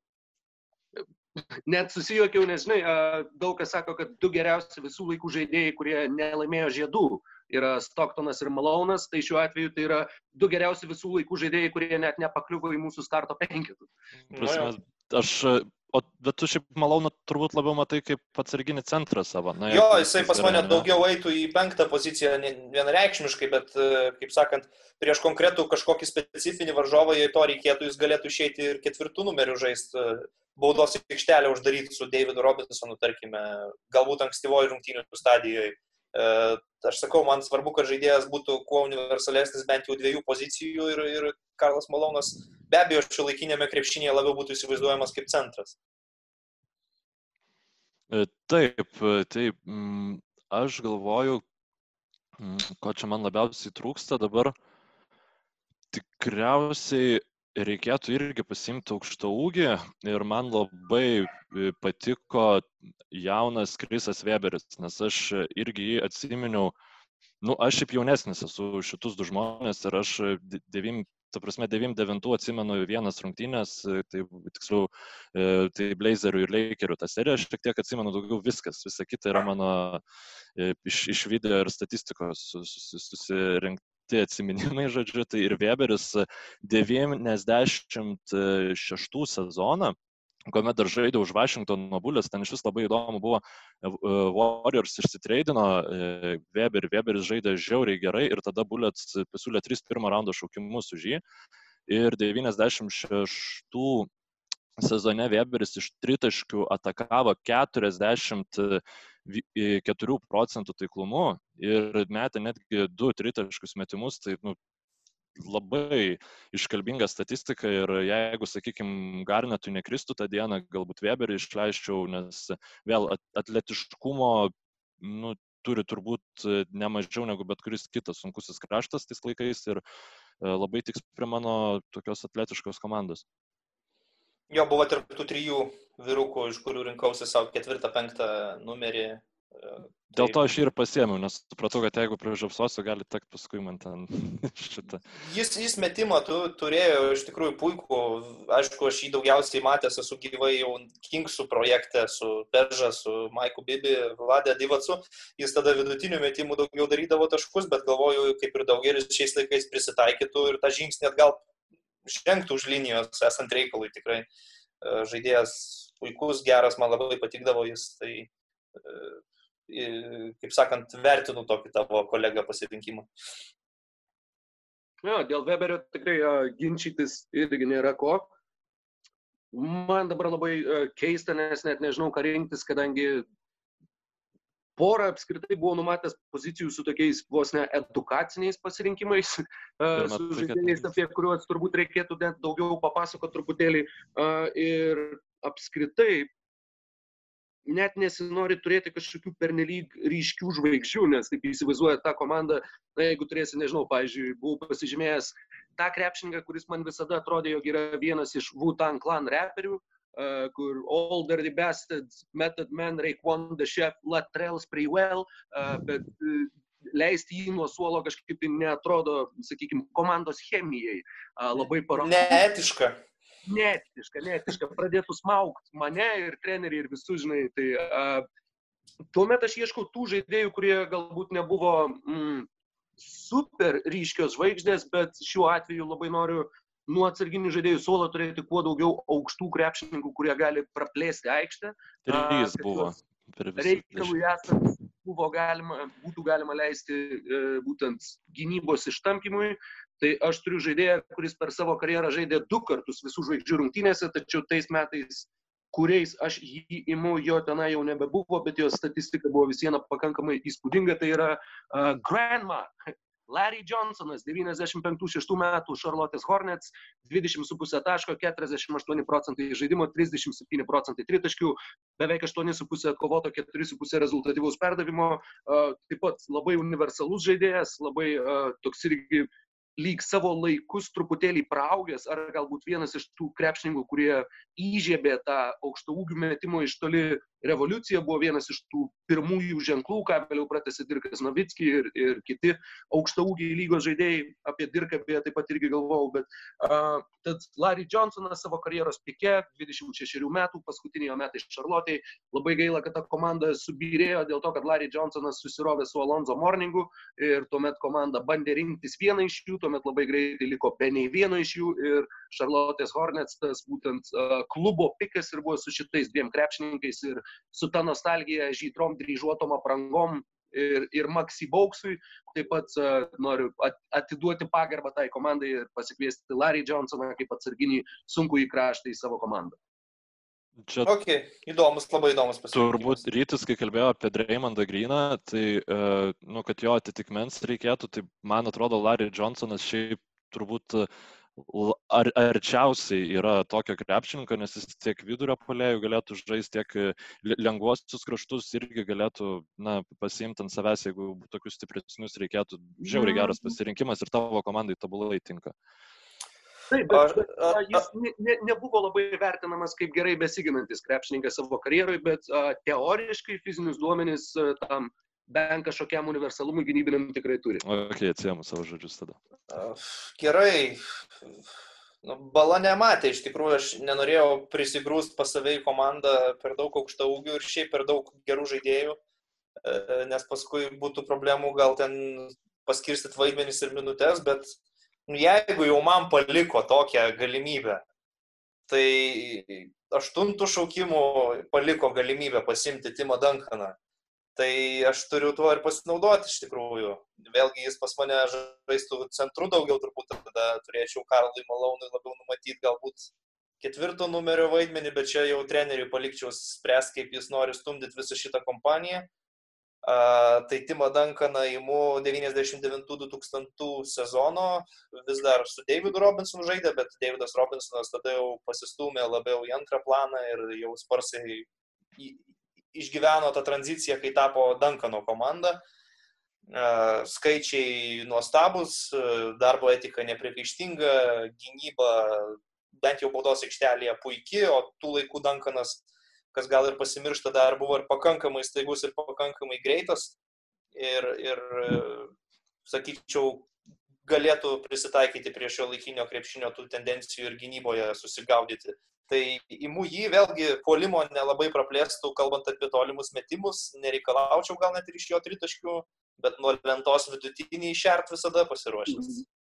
Jo, aš ryte tavęs norėjau paklausti, kaip, nes šiaip Dankanas, nu, vėliau tai jisai turėjo gana nu, stiprų tą vidutinį ir tolimesnį vidutinį metimą, kaip jis tais laikais, e, ar, nu, jisai praplėsdavo tą aikštę? Bent, bent Na, tai aišku, jie, jie žaisdavo, supranti, su Davidu Robinsonu, nu, bet... netgi ir antrų, trečių sezoną, tai Dankanas e, dažniau išmesdavo tą vidutinį metimą, bet aš negalėčiau to vadinti aikštelės praplėtimu, nes jo vidutinis vis tiek išeina iš trijų apgaulingų judesių E, sustojus polimui, kai jis pagazinę savo varžovą, pakelia rankas ir meta nuo lentos. Tai nėra pick and popo situacija, kur jis atšoka, gauna perdavimą ir atakuoja. Bet, kaip ir sakiau, jis, jis tada dar buvo, sakyčiau, pakankamai greitas, judrus ir mobilus. Tai aišku, irgi dideli pliusai. Beje, šitam sezonė 99-2000 tai buvo jo geriausi metai pagal baudų pataikymą. 78 procentai, nors vėliau buvo sezonų, ypač playoffų, kai jis turėjo problemų prie baudų linijos. Rokai, kažkokių komentarų turi? Visiškai logiškas geras pasirinkimas ir aš netgi truputėlį džiaugiuosi, kad ryčiui teko šansas pasimti ir Davidą Robinsoną, ir Timą Duncaną. Čia toks, žinai, lyg ne, nerašytas susitarimas užleisti sparsus ir gali abu šitos krepšininkus. Tai man tada reikia kažką iš pistonsų pasiimti, kad jau rytis savo palaikomą komandą dviem pikiais palepino. Tai, na. Grantą Hilą. Taip, nuo suolo Grantas Hilas, sveikas Grantas Hilas 99-2000 sezonų, kuris rinko ten 26 taškus, 6,6 atkovoto kamulio, 5,2 rezultatyvaus perdavimo, žodžiu, savo komandą atvedė, buvo Pistons tai ketvirta geriausia puolanti komanda tuo metu, tai irgi visai neblogas rezultatas. Na, nežinau, kaip būtų su jo metimu, dėl to tikrai būtų tai tas mano siksmenas vadinamas arba kažkoks nu, žmogus, kuris pagyvintų puolimą ir taip pat gynybai Hilas net nebuvo ten super geras krepšininkas, tačiau tikrai solidžiai, nu tiesiog fizinius duomenis nesveikus turėjo, turėjo iki savo traumų, tai gindavas tikrai gerai su Kidu ir Hilu įdomus darinys uh, nuo suolo, nes Hilas, uh, aš beje buvau išsirašęs kitą jo sezoną, tai 6-7, kai jisai buvo first team NBA ir buvo trečias MVP rinkimuose. Ir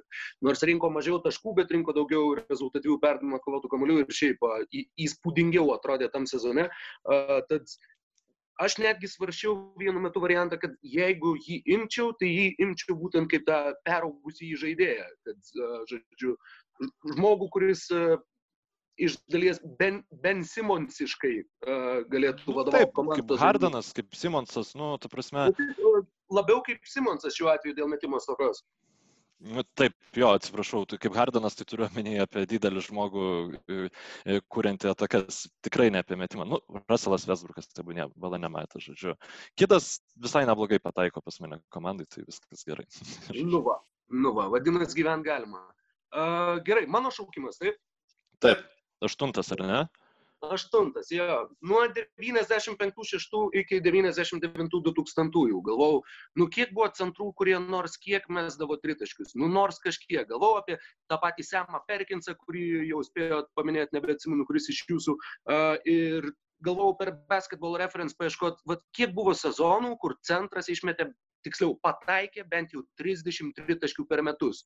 Tai tokie sezonai buvo trys ir visų trijų tų sezonų autorius tarp centrų yra vienas ir tas pats žmogus. Tai yra mano aštuntas šaukimas, žmogus, kuris taip pat galėtų suteikti kitokio, mm, kitokio stilistikos komandos žaidimui ir tuo pačiu išplėsti aikštę iš vidurio polėjo pozicijos, tai yra Arvidas Sabonis. Vienintelis centras, kuris mesdavo tritaškius tais laikais ir jeigu kalbėjau apie Larry Johnsono pradėtą revoliuciją, tai apie Sabonio a, įkvėptus žaidimo pokyčius taip pat na, visi esam girdėję ne kartą ir esam kalbėję. A, dėl tikslaus sezono, tuoj pat užmėsiu akį į septinti, aštunti matau, kad buvo geras sezonas, 73 rungtynės, viso starto penketė, 16 taškų, 10 kamolių, taip pat ir tritaškių buvo pamėtyta, tiesa, būtent tais metais neipatingai sėkmingai, bet, bet visi žinom, kaip galėjo mėtyti tritaškius vyresnysis Sabonis ir šalia Larry Johnsono ir, Johnny, e, ir Johno Stocktono man mano atsarginių žaidėjų suolas visai patinka.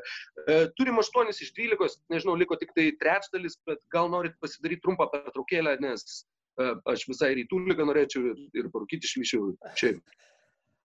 Ką aš žinau, gal damušam? Ar, ar, ar labai... Nu, gerai, jeigu... Aš būčiau už Galim greičiau tiesiog. Minutė nubėgu iki kitų lygų, toj pat grįžtų ir viskas. Mes su ryčiu galim pareflektuoti ant uh, Roko šaukimo. Arvido, aš, aš iš tikrųjų neimčiau Arvido Sabonio, nors tas, kad pataiko tritaškius centras, kad puikiai mato aikštelę, yra dideli labai pliusai. Uh, Aišku, jam čia turbūt ir numatytas toks keliolikos minučių vaidmuo įžengti aikštelę, nes nu, problema su jau to amžiaus Arvidu Saboniu šio laikiniam krepšinėje būtų gana aiškiai, ypač MBA krepšinėje. Tai, Taip. e, lėtas, e, atakuojamas neišvengiamai varžovų pick and rollais ir būtų tam tikrų problemų, bet numačius tokį vat, vaidmenį 12 ar tai 15 minučių išeiti į aikštelę, paduoti porą tokių perdavimų flešį, pataikyti vieną kitą metimą, tai jis turbūt tą padarytų be problemų. Nu, aš Sabonį dabar įsivaizduoju tik tai kaip, nu, geriausiu atveju, kaip, tu prasme, idealiu atveju aš įsivaizduoju kaip Bruką Lopezą e, nu, dabartiniuose Milvokio baksuose, kur tiesiog išsprendžiama yra ta lietumo problema, kaip ir minėjau, nu, le, kviečiant žaidėjų komandas po krepšių ir ten jau Sabonis tikrai, manau, neprašiau negu Brukas Lopezas galėtų ginti tą krepšį. Tai ir irgi įsivaizdavau Bruką Lopezą kaip nu, žmogų, kuris tam tikrų karjeros metu atrodė beviltiškas gynybai ir staiga tapo vienas nu, ger, ger, geriausiai besiginančių centrų lygai. Tai labai mane nustebino. Ir Sabonis, na, pas mane jis buvo sąraše, aš galvojau šiek tiek žemiau pasirinkti. Tai, na, liūdna biškai. Na, va, na, va. Galim test? Be abejonės. Ok, tai gerai, devintas šaukimas. Aš toliau bandau užpildyti kiek įmanoma snaiperių, bet kokias spragas ir pagalvoju apie tokius metikus, kurie be viso ko dar ir gynyboje yra pakankamai solidus. Ir man reikia rolinių žaidėjų, reikia pagalbinių žaidėjų, kuriems gal netaip rūpės jų asmeninė statistika. Ir e, čia atsimušiau į dar vieną olimpinį čempioną savo komandoje, kuris olimpiniu čempionu tapo 2000 metais, Nėjau žaidynėse. E, šiuo metu dirba televizijoje gan sėkmingai, tai yra 96-97 metų, kadangi tame sezone jis išmetė daugiausiai tritaškių. Steve'as Smithas atakuojančio gynėjo pozicijoje pas mane bus antras numeris. Pataiko, pasigina tiek man iš jo ir reikėtų pakylančio nuo, nuo atsarginių žaidėjų suolo, kai jis keistų Reggie Millerį. Aš vakar ieškojau gynėjų, kurie yra aukšti ir pataiko, tai Steve'as Smithas buvo iš esmės vienintelis nu, iš tų variantų, kuris žaidė atakuojančią gynėjo poziciją ir, ir tikrai gerai metė. Tai šiauriai geras pasirinkimas. Tiesa, net nepapuolėjęs pas mane į sąrašą, bet nu, tiesiog pražiopsau. Jis, jis kai žaidė va, tuo laikotarpiu Steve'as Smithas, kurį aš paėmiau, Atlantos Hawks, tai aišku, jis tada puolime turėjo dar padaryti daugiau nei tiesiog pagauti ir mest. Mano komandai daugiau toks būtų jo vaidmuo, tada jis rinkdavo vidutiniškai po 20 taškų, turėdavo dažnai kamuolį rankose prasiveršti reikėdavo, nes Hawks komandoje jis buvo viena pagrindinių tokių figūrų. Pas mane, aišku, jo vaidmo kitas, bet uh, vėlgi žaidėjas, kurio gali pasitikėti, kuris atneša gynybos, pataiko metimus ir turi gerą charakterį. Pas mane komandoje didžioji dalis išsiskiria gal charizma Čarlzas Barkley, bet visi kiti pas mane tokie daugiau mažiau kuklus aukščiausio lygio profesionalai. Nu, Michaelas Jordanas. Michaelas Jordanas jo, sorry. kuklus. Sorry, bet jisai gerai, sa, sa, savos planetos. irgi nėra kuklus, sorry, tipo. Žaidėjas perlenkiau lasdą. Šitas, nu. Sorry, nusišnekėjau patikėjau, gerai. Nu, bet yra Timas Duncanas, jo kuklumą užtenka turbūt visom trim komandom. Su Robinsonu. ja. Su Robinsonu, jo, jo, jie, jie, balansas Reggie Milleriui ir Jordanui. Nu gerai, jo, įtikino, aš kai kalbėjau, užsigalvojau apie savo sparsų Hebra ir pamiršau, kas per žmogus buvo Michaelas. Tiksliau dar vis yra, o nebuvo, ką aš esu. Taip, taip. Re Reggie irgi nešventasis, sakykime. Gerai, Mykolai. Jo, aš irgi galvoju apie aukštą pataikantį krepšininką. Ir aš norėčiau, kad jis dar visai pasigintų. Ir iš tikrųjų mane žiauriai nustebino tiesiog, kad tas krepšininkas buvo papuolęs į All NBA komandą, nes aš jį atsimenu iš NBA 2004-2006 uh, Brooklyn, New Jersey Nets komandos. Ir tai yra žymiai prastesnis krepšininkas negu Kobe Bryantas, žymiai prastesnis krepšininkas negu e, dar krūva likusių žmonių, bet labai reikalingas ir labai tiktų moderniam krepšiniui. Tai yra Cliffas Robinsonas, e, būtent dabar tiesiog neužsirašiau sezono. Aš jį man... turėjau jums sekantį. Geras. Aš sezoną jo. užsirašiau, aš galiu net pasakyti, sorry, jo geriausias sezonas turiu užsirašęs 21 taško vidurkis 9,5-9,6. Uh, ne, man, man ne šito reikia, man reikia to, kuris į All NBA papuolė, tai, nu... Uh, all Defensive Team. Taip, all, all Defensive, atsiprašau. Taip, taip, Nes aš tikrai galvau, kad jisai būtų problema gynyboje ir tada nu, mm -hmm. teko pasiskaityti. Ir jis tikrai buvo solidus, su Krisu Weberiu e, sudarytų pas mane nuo suolo nesvarbu, kuris ten žaistų centru, nu, gynyboje. Tais metais, kai jisai tapo e, All Defensive NBA, jisai žaidė centru. Phoenix'e nors pradėjo karjerą kaip lengvas kraštas, bet... Jo, jis, nes basketball references yra šitas kaip lengvas kraštas, žodžiu. Nu, džiaugiuosi, kad rytis norėjo įimti, nes galvojau, ar nebus aš čia kažkaip e, paskubėjęs su juo. Tai, tai va. Tai va, nu ką. Uh, devintas. Kaip čia, jo, galvoju, kaip, kaip protingiau padaryti. Nes šiaip tai buvau nusimatęs tokius žaidėjus, sakau, tuos, kurių, kurių niekas net, manau, jog nemaža dalis klausytojų netgi nežinotų, kas čia tokie, reikėtų truputėlį papasakoti. E, tai pasirinksiu bent kiek žinomesnį krepšininką, e, turiu tuos nuo suolo visus metančius krepšininkus. E, starto penketę turiu Richmondą atakuojantį gynėją, kuris nelabai gerai ginas, e, bet gali pataikyti tai noriu tokio atakuojančio gynėjo, kuris galėtų gerai gintis, jeigu man reikėtų išleisti tą gynybinę tokią, tokią smūgio kombinaciją tarp visų penkių žaidėjų. Ir tas žmogus yra 99-2000 metų sezono Charlotte's Hornets. Ir vėl visų žvaigždžių rungtinių krepšininkas, geriausiai besiginančių krepšininkų antra komanda, Eddie Jonesas, kuris tuo metu trečią kartą pateko į tą geriausiai besiginančių krepšininkų antrą penketuką iš eilės pradėjo Lakeriuose, vėliau ir Šarlotė pratęsė tą patį. Tame konkrečiame sezone metė po 20 taškų, 38 procentai tritaškių metant beveik 5 tritaškius per rungtynes, beveik 5 kamuoliai, daugiau negu 4 perdavimai, beveik 3 perimti kamuoliai ir tai buvo geriausias rezultatas lygoje tais metais. Eddie Jonesas būtent yra tas krepšininkas, kuris mano manimu mūsų eroj būtų daug didesnė žvaigždė negu kad buvo tais laikais, kadangi būtent gebėjimas pataikyti iš toli ir elitinė gynyba ir dar tuo pačiu žmogus ir galėjo verštis ir galėjo a, kažkiek kurtis metimus pats. Nebuvo tas tipinis ISO žaidėjas, tačiau a, tikrai buvo pavojingas ne iš vienos aikštės vietos, o iš daugelio ir tuo pačiu pridėjus tai prie tos elitinės gynybos. Jeigu kažkas būtų pasėmę Mitchą Richmondą, aš būčiau ėmęs Eddie Jonesą į starto penketuką, kad turėčiau tą būtent gynybos mirtinos penketą ir kombinaciją. Dabar jį bet kada galiu išleisti nuo suolo ir kartu su Peytonu, Pipenu, Rotmanu ir Oladžiuonu. Uh, jie penkiesi tikrai būtų košmaras komanda, prieš kurią žais bet kam. Nu gerai, geras irgi variantas, aš primiršęs, primiršęs buvau. Mano, čia buvo mano ryškesnė žvaigždė, negu kad tie du žaidėjai. Bet geras mano... kozeris. Aš manau, kad mano Styvas Mitas gal irgi nepatektų į 30-uką ten santraukos žaidėjų geriausių iš to laikotarpio niekaip, bet jo, jo. Atne, atneša komandai tai, ko jai reikia. Būtent komandos komplektacijos jau būtent. A, jo, tai va aš panašiai sprendžiau savo klausimus, ieškodamas atsarginio įžaidėjo ir e, gal ieškojau tokių rolinių krepšininkų, kurie gerai man pakeistų Anthony Hardavėjų, bet čia taip labai hipotetiškai. dar ir apsisaugodamas nuo Hardavėjaus traumingumo, kad maža ką, gal jis man ilgo sezono metu sugrius ir aš liksiu be, be Hardavėjaus.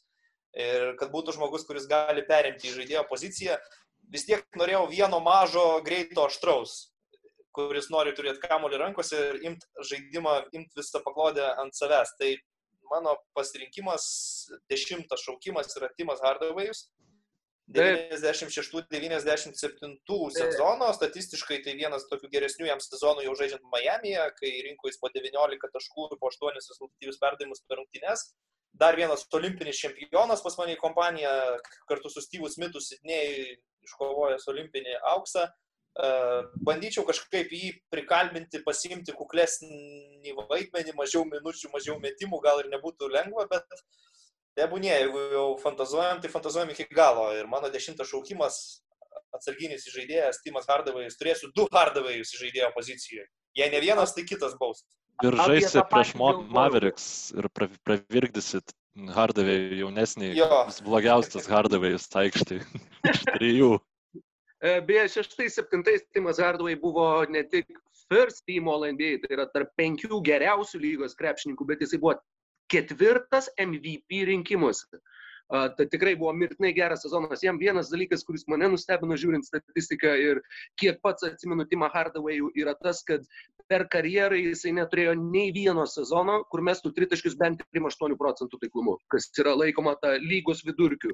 Tad jis visą savo karjerą buvo, na aišku, ta karjera buvo kitais laikais negu dabar, tačiau jis toli gražu nebuvo labai geras metikas, nors kažkaip atminti yra užsifiksavę, kad būtent... Tai matai, galėjo daug mes. Tas dalykas, kuris ir mane beje patį nustebino, aš Timo Hardavai jau atsimenu, gal šiek tiek kitaip žaidžianti, bet 96-97 sezone jis išmesdavo po 7,3 tritaškio per rungtynės ir pataikydavo po 2,5.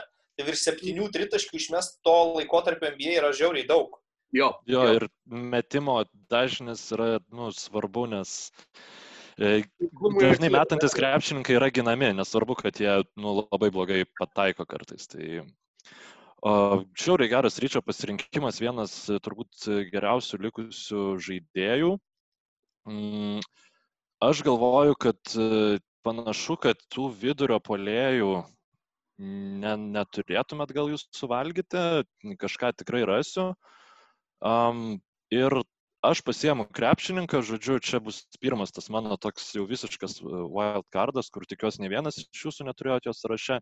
Tai žmogus, kuris mano nuomonė iš mano komandos e, geriausiai, didžiausias skirtumas yra, kaip jis gerai atrodytų moderniam krepšiniui, tai yra Mahmudas Abdul Raufas arba Krisas Jacksonas. Tai yra dėl dviejų priežasčių viena tai tiesiog tai, nu, yra kažkas iš e, žmonių ten NBA deng, e, apžvelgiančių pavadinęs į uh, Curry before Curry, nu, nebuvo, ne, nesakau, kad jis būtų geriausias metikas pasaulio istorijoje, bet uh, tikrai devynės, aš pasiėmiau jo 96 metų sezoną ir jis tą sezoną metė po 19 taškų, tritaškus metė 40 procentų taiklumu ir išmesdavo po 5,4 tritaškio ir jis mėtydavo juos iš du žingsniai nuo tritaškio. Nu, ta prasme, tikrai e, žaidė su lygai nusistovėjusiais e, limitais ir manau būtų labai smagus toks vyjurkas nu, įleidus į nuo suolo ir plus e, lyga dabar žymiai labiau tolerantiška negu buvo tada ir nemanau, kad jis būtų išgrūstas iš lygos taip, kaip buvo tais 90-aisiais, žodžiu. Jo, a, turėjau pasižymėję šitą žaidėją ir a, jo, tas, nu, klausimas dėl to atsisakymo atsistoti JAV himno metu, kaip šiais laikais reaguotų, žinoma, NBA nėra NFL, bet, bet būtent sulyginus tas dvi situacijas, jeigu tai vyktų šiais laikais, tai būtų milžiniškas skandalas, a, bet jo, Mahmudas Abdul Raufas buvo, buvo labai įdomus, a, labai trenktas ir išpratėjęs krepšininkas. Bet sezone 95-6 metų ėmė ar ne? Ne, aš ėmiau 90. Taip, ėmiau 95-6, kai e, jis tritaškus metė 40 procentų, buvo efektyviausias, vienas iš efektyviausių jo sezono, nu, nes ketvirtų, penktų negalėjau imti, būčiau gal tai ėmęs ir, žodžiu, nu, ir rezultatyviausias. Tas, aišku, rezultatyvumas nėra labai svarbu, bet tiesiog efektyvumas nebuvo prastesnis negu šiaip. Tam sezone aš irgi buvau išsirašęs lygiai tą patį, jisai turėjo rungtynes prieš Jutą, kur sumetė 51 kas man pasirodė pakankamai įspūdinga ir jisai tuos 40 procentų metė po beveik 5,5 tritaškio per rungtynes ir tame sezone buvo trys įžaidėjai kurie mesdavo bent po penkis tritaškius. Tik tai trys visoje lygoje. Tai buvo Nikas Vanekselis, Muki Bleilokas ir Mahmudas Abdulraufas ir jis metė taikliausiai iš šitų trijų. Kažką norėjai sakyti, paminėjau žaidėją, kurio tu irgi norėjai? Ar... Jo, jo, jo, bet gal, nu, žiūrėsim, kaip bus toliau. Na tai dabar Roko šaukimas, deš, dešimtas šaukimas, Rokai, taip galima sakyti, atsarginio penketo pabaiga. Jo, va, trys žaidėjai ir aš galvoju, galvoju, ką čia tiksliai pasirinkti. Aš pasirinksiu, aš manau, uh, atsiprašau, mes, Messengerio uh, trukdžiai Aš, jeigu tu, Mykolai, sakei, kad pasirinksi žaidėją, kurio galbūt niekas neturi sąraše, aš tikrai tikiu, kad šito žaidėjo niekas turbūt neturėjo, bet aš noriu paaiškinti, kodėl. Tai buvo uh, žaidėjas, kuris du kartus pailiui buvo išrinktas į antrą geriausiai besiginančių žaidėjų penketą, nors tai tikrai nėra pavardė, kuri būtų labai ryškiai girdėta visiems, uh, bet jis buvo 2 m 8 cm ūgio, nominaliai žaidė lengvų kraštų, bet tai grinai buvo tas žaidėjas, kuris galėjo tenkti visas penkias pozicijas, atsižvelgiant į tai, kad man dažnai teks žaisti su Ola Džvonu ant suolo ir su starto penketu su Rodmanu vidurio polėjo pozicijoje ir turėti tą maksimaliai kiek įmanoma, kur visi penki gali dengti bent po keturias pozicijas ar bent po tris Peitono atveju. Tai yra žaidėjas, Man pačiam labai keista tai sakyti, bet 95 metų, 5-6 metų sezono Indianos Pacers 29 metų Derikas Maky. Derikas Maky yra mano dešimtas šaukimas ir būtent uh, dėl to gynybinio universalumo ir dėl to, kad uh, galėčiau turėti tą Ale Warriors su gynybinį penketuką, netgi geresnį iš esmės penketuką už tą, kur, sakau, visi penki būtų elitiniai žaidėjai gynyboje ir uh, su Peytonu, Eddie Jonesu, Pipenu, uh, Deriku Maky ir Denisu Rodmanu, tai yra nepramušamiausia siena, kokią aš galiu įsivaizduoti iš, iš šito penkmečio. Nieko nepasakysiu papildomai, manau, kad daugiau, žinai, nei aš apie Deriką Maky, tai gal pereisiu tiesiai prie 11 šaukimo. Ir čia pats mane žaidėjas toks, kur jeigu gerai klostysi sezonas, jis tikrai laisvai gali nukonkuruoti ir Steve'ą Smithą kaip antros, trečios pozicijos žaidėjas, kuris yra gerai pasiruošęs fiziškai, neblogai gynasi ir prie viso to dar ir pataiko tritaškį ir bendra savybė su Steve'u Smithu ir Timu Hardavimi, taip pat 2000-ųjų Sidnėjaus olimpinis čempionas. Tu, tu tiesiog atsidarai tą sudėtį ir rinkai? Ne, ne, ne, ne, aš rinkausi dar vakar, dėliausi grinai pagal specifinius įgūdžius, tokių žaidėjus, kokių man reikia, kaip ir sakau, kad gali žaisti bent per dvi pozicijas. Tai antrų, trečių numerių, kurie ir pataiko, ir gynasi, nebuvo daug. Ir taip sutapo. Mm. Ir šitas žaidėjas gal kažkiek net savotiškai ir panašus į Steve'ą Smithą, kurį paėmiau aukščiau nors man jie gan lygiaverčiai tokie atrodytų. Žaidėjas du kart patekęs į All Starus, jau 21 amžiaus pradžioje, įmų 99-2000 sezono Alaną Houstoną iš, iš New Yorko Knicks, metras 98 cm, kaip ir minėjau, fiziškai gerai pasiruošęs krepšininkas, kuris gali gintis, pataiko iš toli, nusifilmavęs ir, ir kino juostose, paragavęs kitokio ampluo, Ir, ir Nikso organizacijoje irgi. Jo, jis buvo Nikso organizacijoje ir jau labai blogose sezonuose ir dar tuo metu, kai jie pretendavo į, į rimtas pergalę žaidė NBA finale prieš Sparsus e, šalia Patriko Juvingo. Tai geras žaidėjas, man jis labai patikdavo, man jį labai patikdavo turėti savo NBA live žaidimų komandoje. Tai vat, Alanas Houstonas pas mane 11 šaukimas, nors, kaip ir sakiau, laisvai gerų darbų prasimuštų rotacijoje savo daugiau minučių. Uh, labai džiaugiuosi šiaip, kad tu pasėmė Alaną Houstoną, nes man jis taip, ta mano Excelio lentelė badė akis, nu kada, nu, Mykolai reikia jį pasiimti, bet aš kažkaip e, noriu dabar jau pereiti prie tokių labiau specifinių krepšininkų. Uh, Ir... Kol nepasakai, koks tavo dešimtas šaukimas buvo, aš supratau, kad aš devynis tai užsirašiau. Mano? Aha. Abdulrafas. Abdul Rauf. Raufas, atsiprašau, nu, nesu komentatorius, priešingai nei judu, tai man atleistina, manau. Ir... Oi, oi, koks šelmis.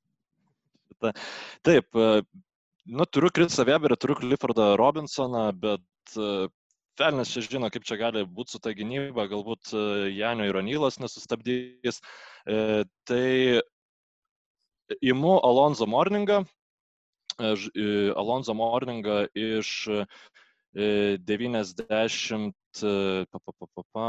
99-2000 sezono, kai jisai buvo trečias MVP balsavime, 21 taškas per rungtynes, 3,7 bloko, 9,5 atkovoto kamulio ir 1,6 rezultatyvus perdavimo. Nu, tiesiog toksai, nemanau, kad jis vaidins svarbią rolę pas mane, bet maža ką. Ir kaip maža ką, vienas geriausių to, to laikmečio centrų gynyboje, tai tikrai yra e, gerai.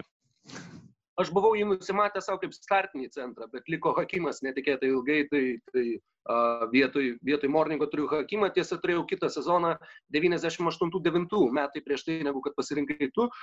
Sakei, kad buvo trečias MVP rinkimuose, tai 98-9 buvo antras. ir tuo pačiu buvo geriausiai besiginantis lygos krepšininkas, uh, oficialus apdovanojimas, beveik keturi blokai per rungtynės. Jo, nu aš sumaišiau sezonus, man, nes pas mane buvo 9-9, 9-9 parašyti ir aš paėmiau ne tą, bet, nu, velniai nematė. Koks skirtumas?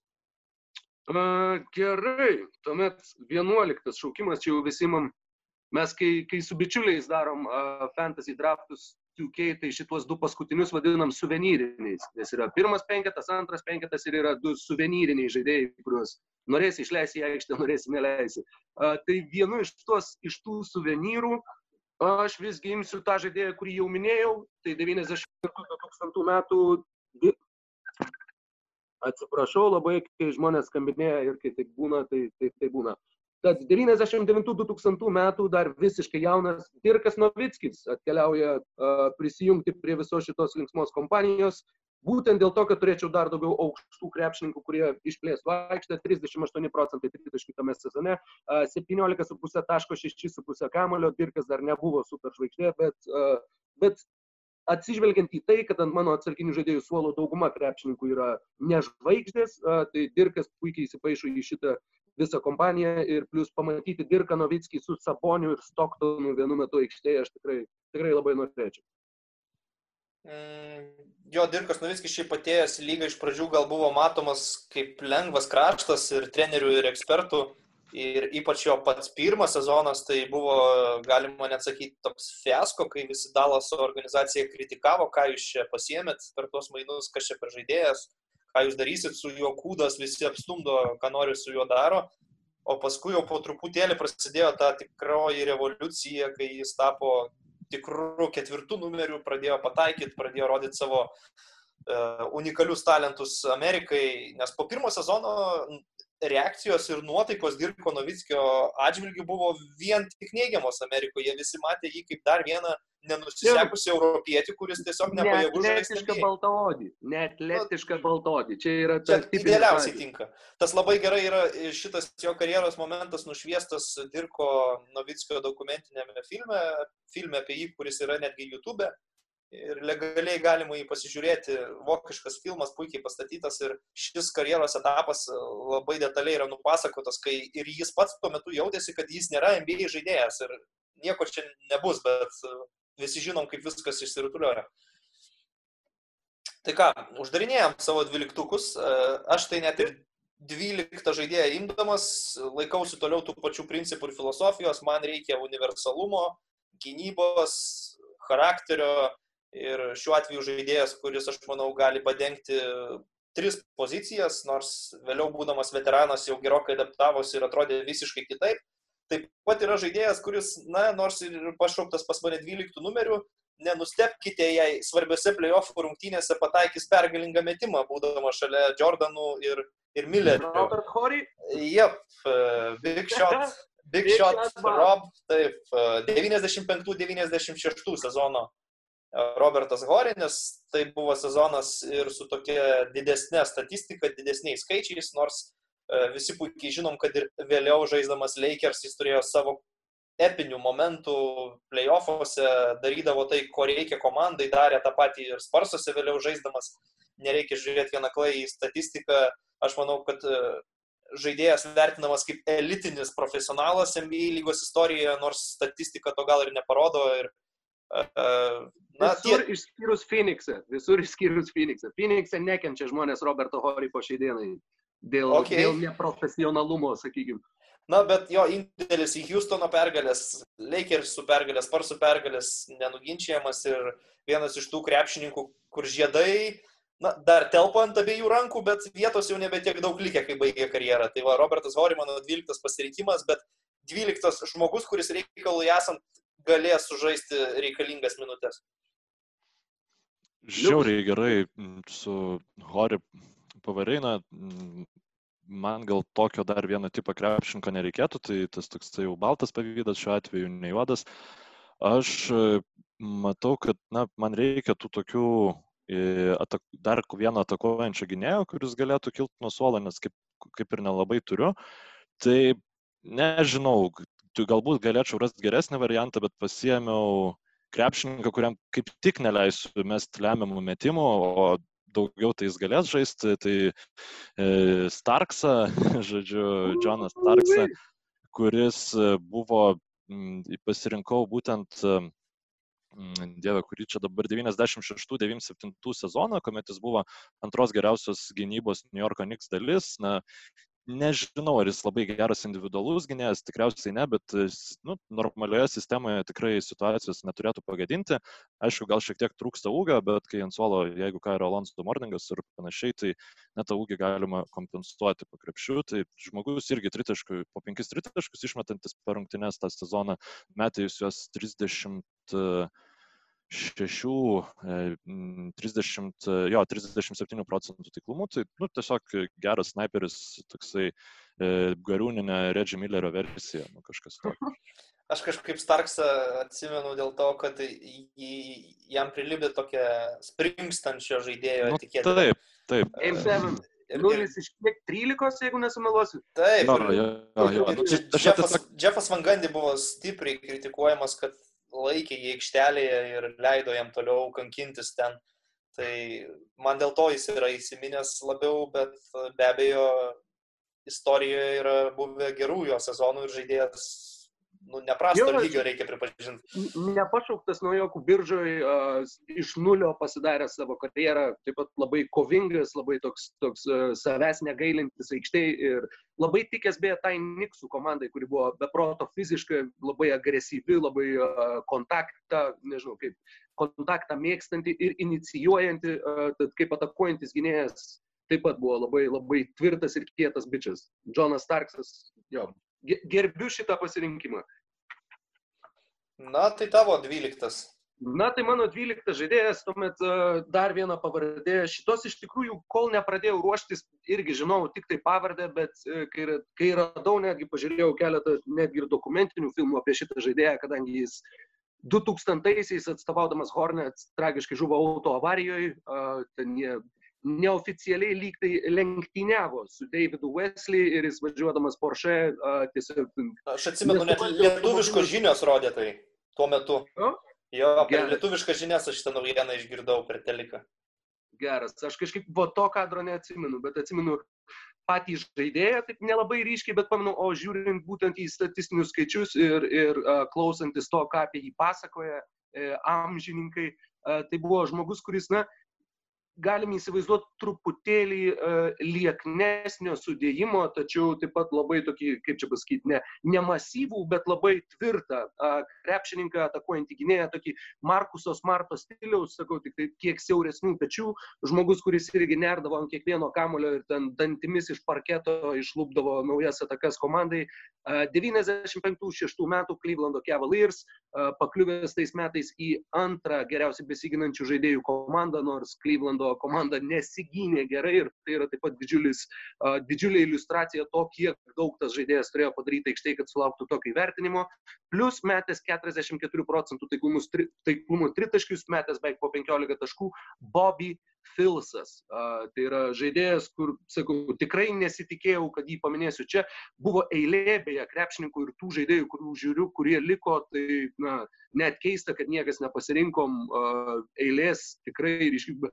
Patriko Juvingo arba Dikėmbė Mutombo neprireikė. Niekam... Jau galėjome ir Karteris su Kobe draftuotis.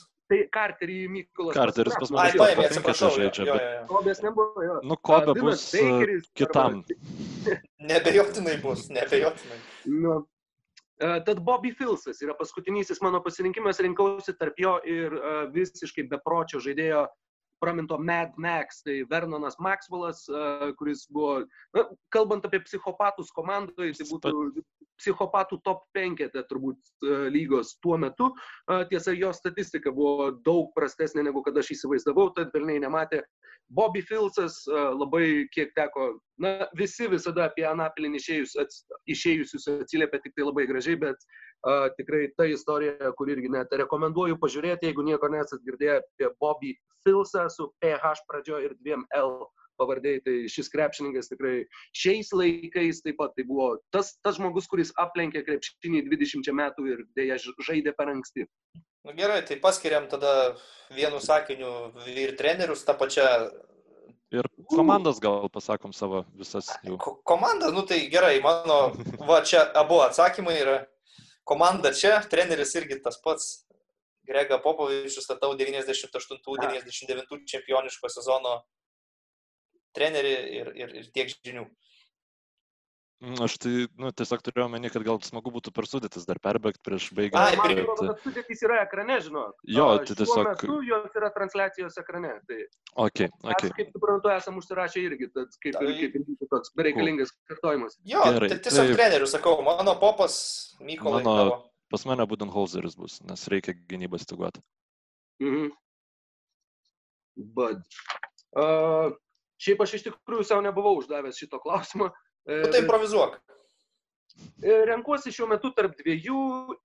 Mm, galbūt visgi, e, nors, nors labai čia nieštėtų pasiskirti Philą Jacksoną, bet e, kadangi kalbam apie modernų krepšinį, tebūnė tai Steve'as Keras, e, kuris tikrai rastų būdus, kaip utilizuoti tą, kaip žaisti, kada žaisti žemų penketukų, kada žaisti aukštų penketukų, daug e, žaidimo statant užtvaras žaidėjams, kurie yra be kamulio, daug bandymo, daug būtent judėjimo be kamulio ir tokią tą a, judančią, tą vadinamą motion offense ir įsivaizduoju šitos komandos. Žodžiu, tavo treneris yra mano trenerio auklėtinis iš, iš tų Taip. laikų.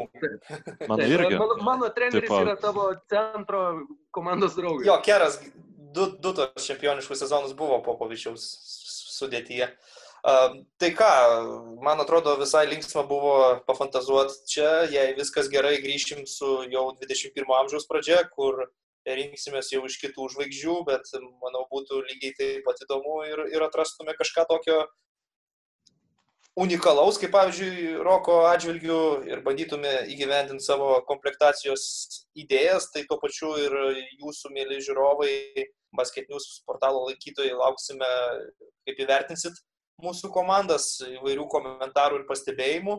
E, Tikiuosi susitiksime artimiausiu metu dar bent vieną kartą.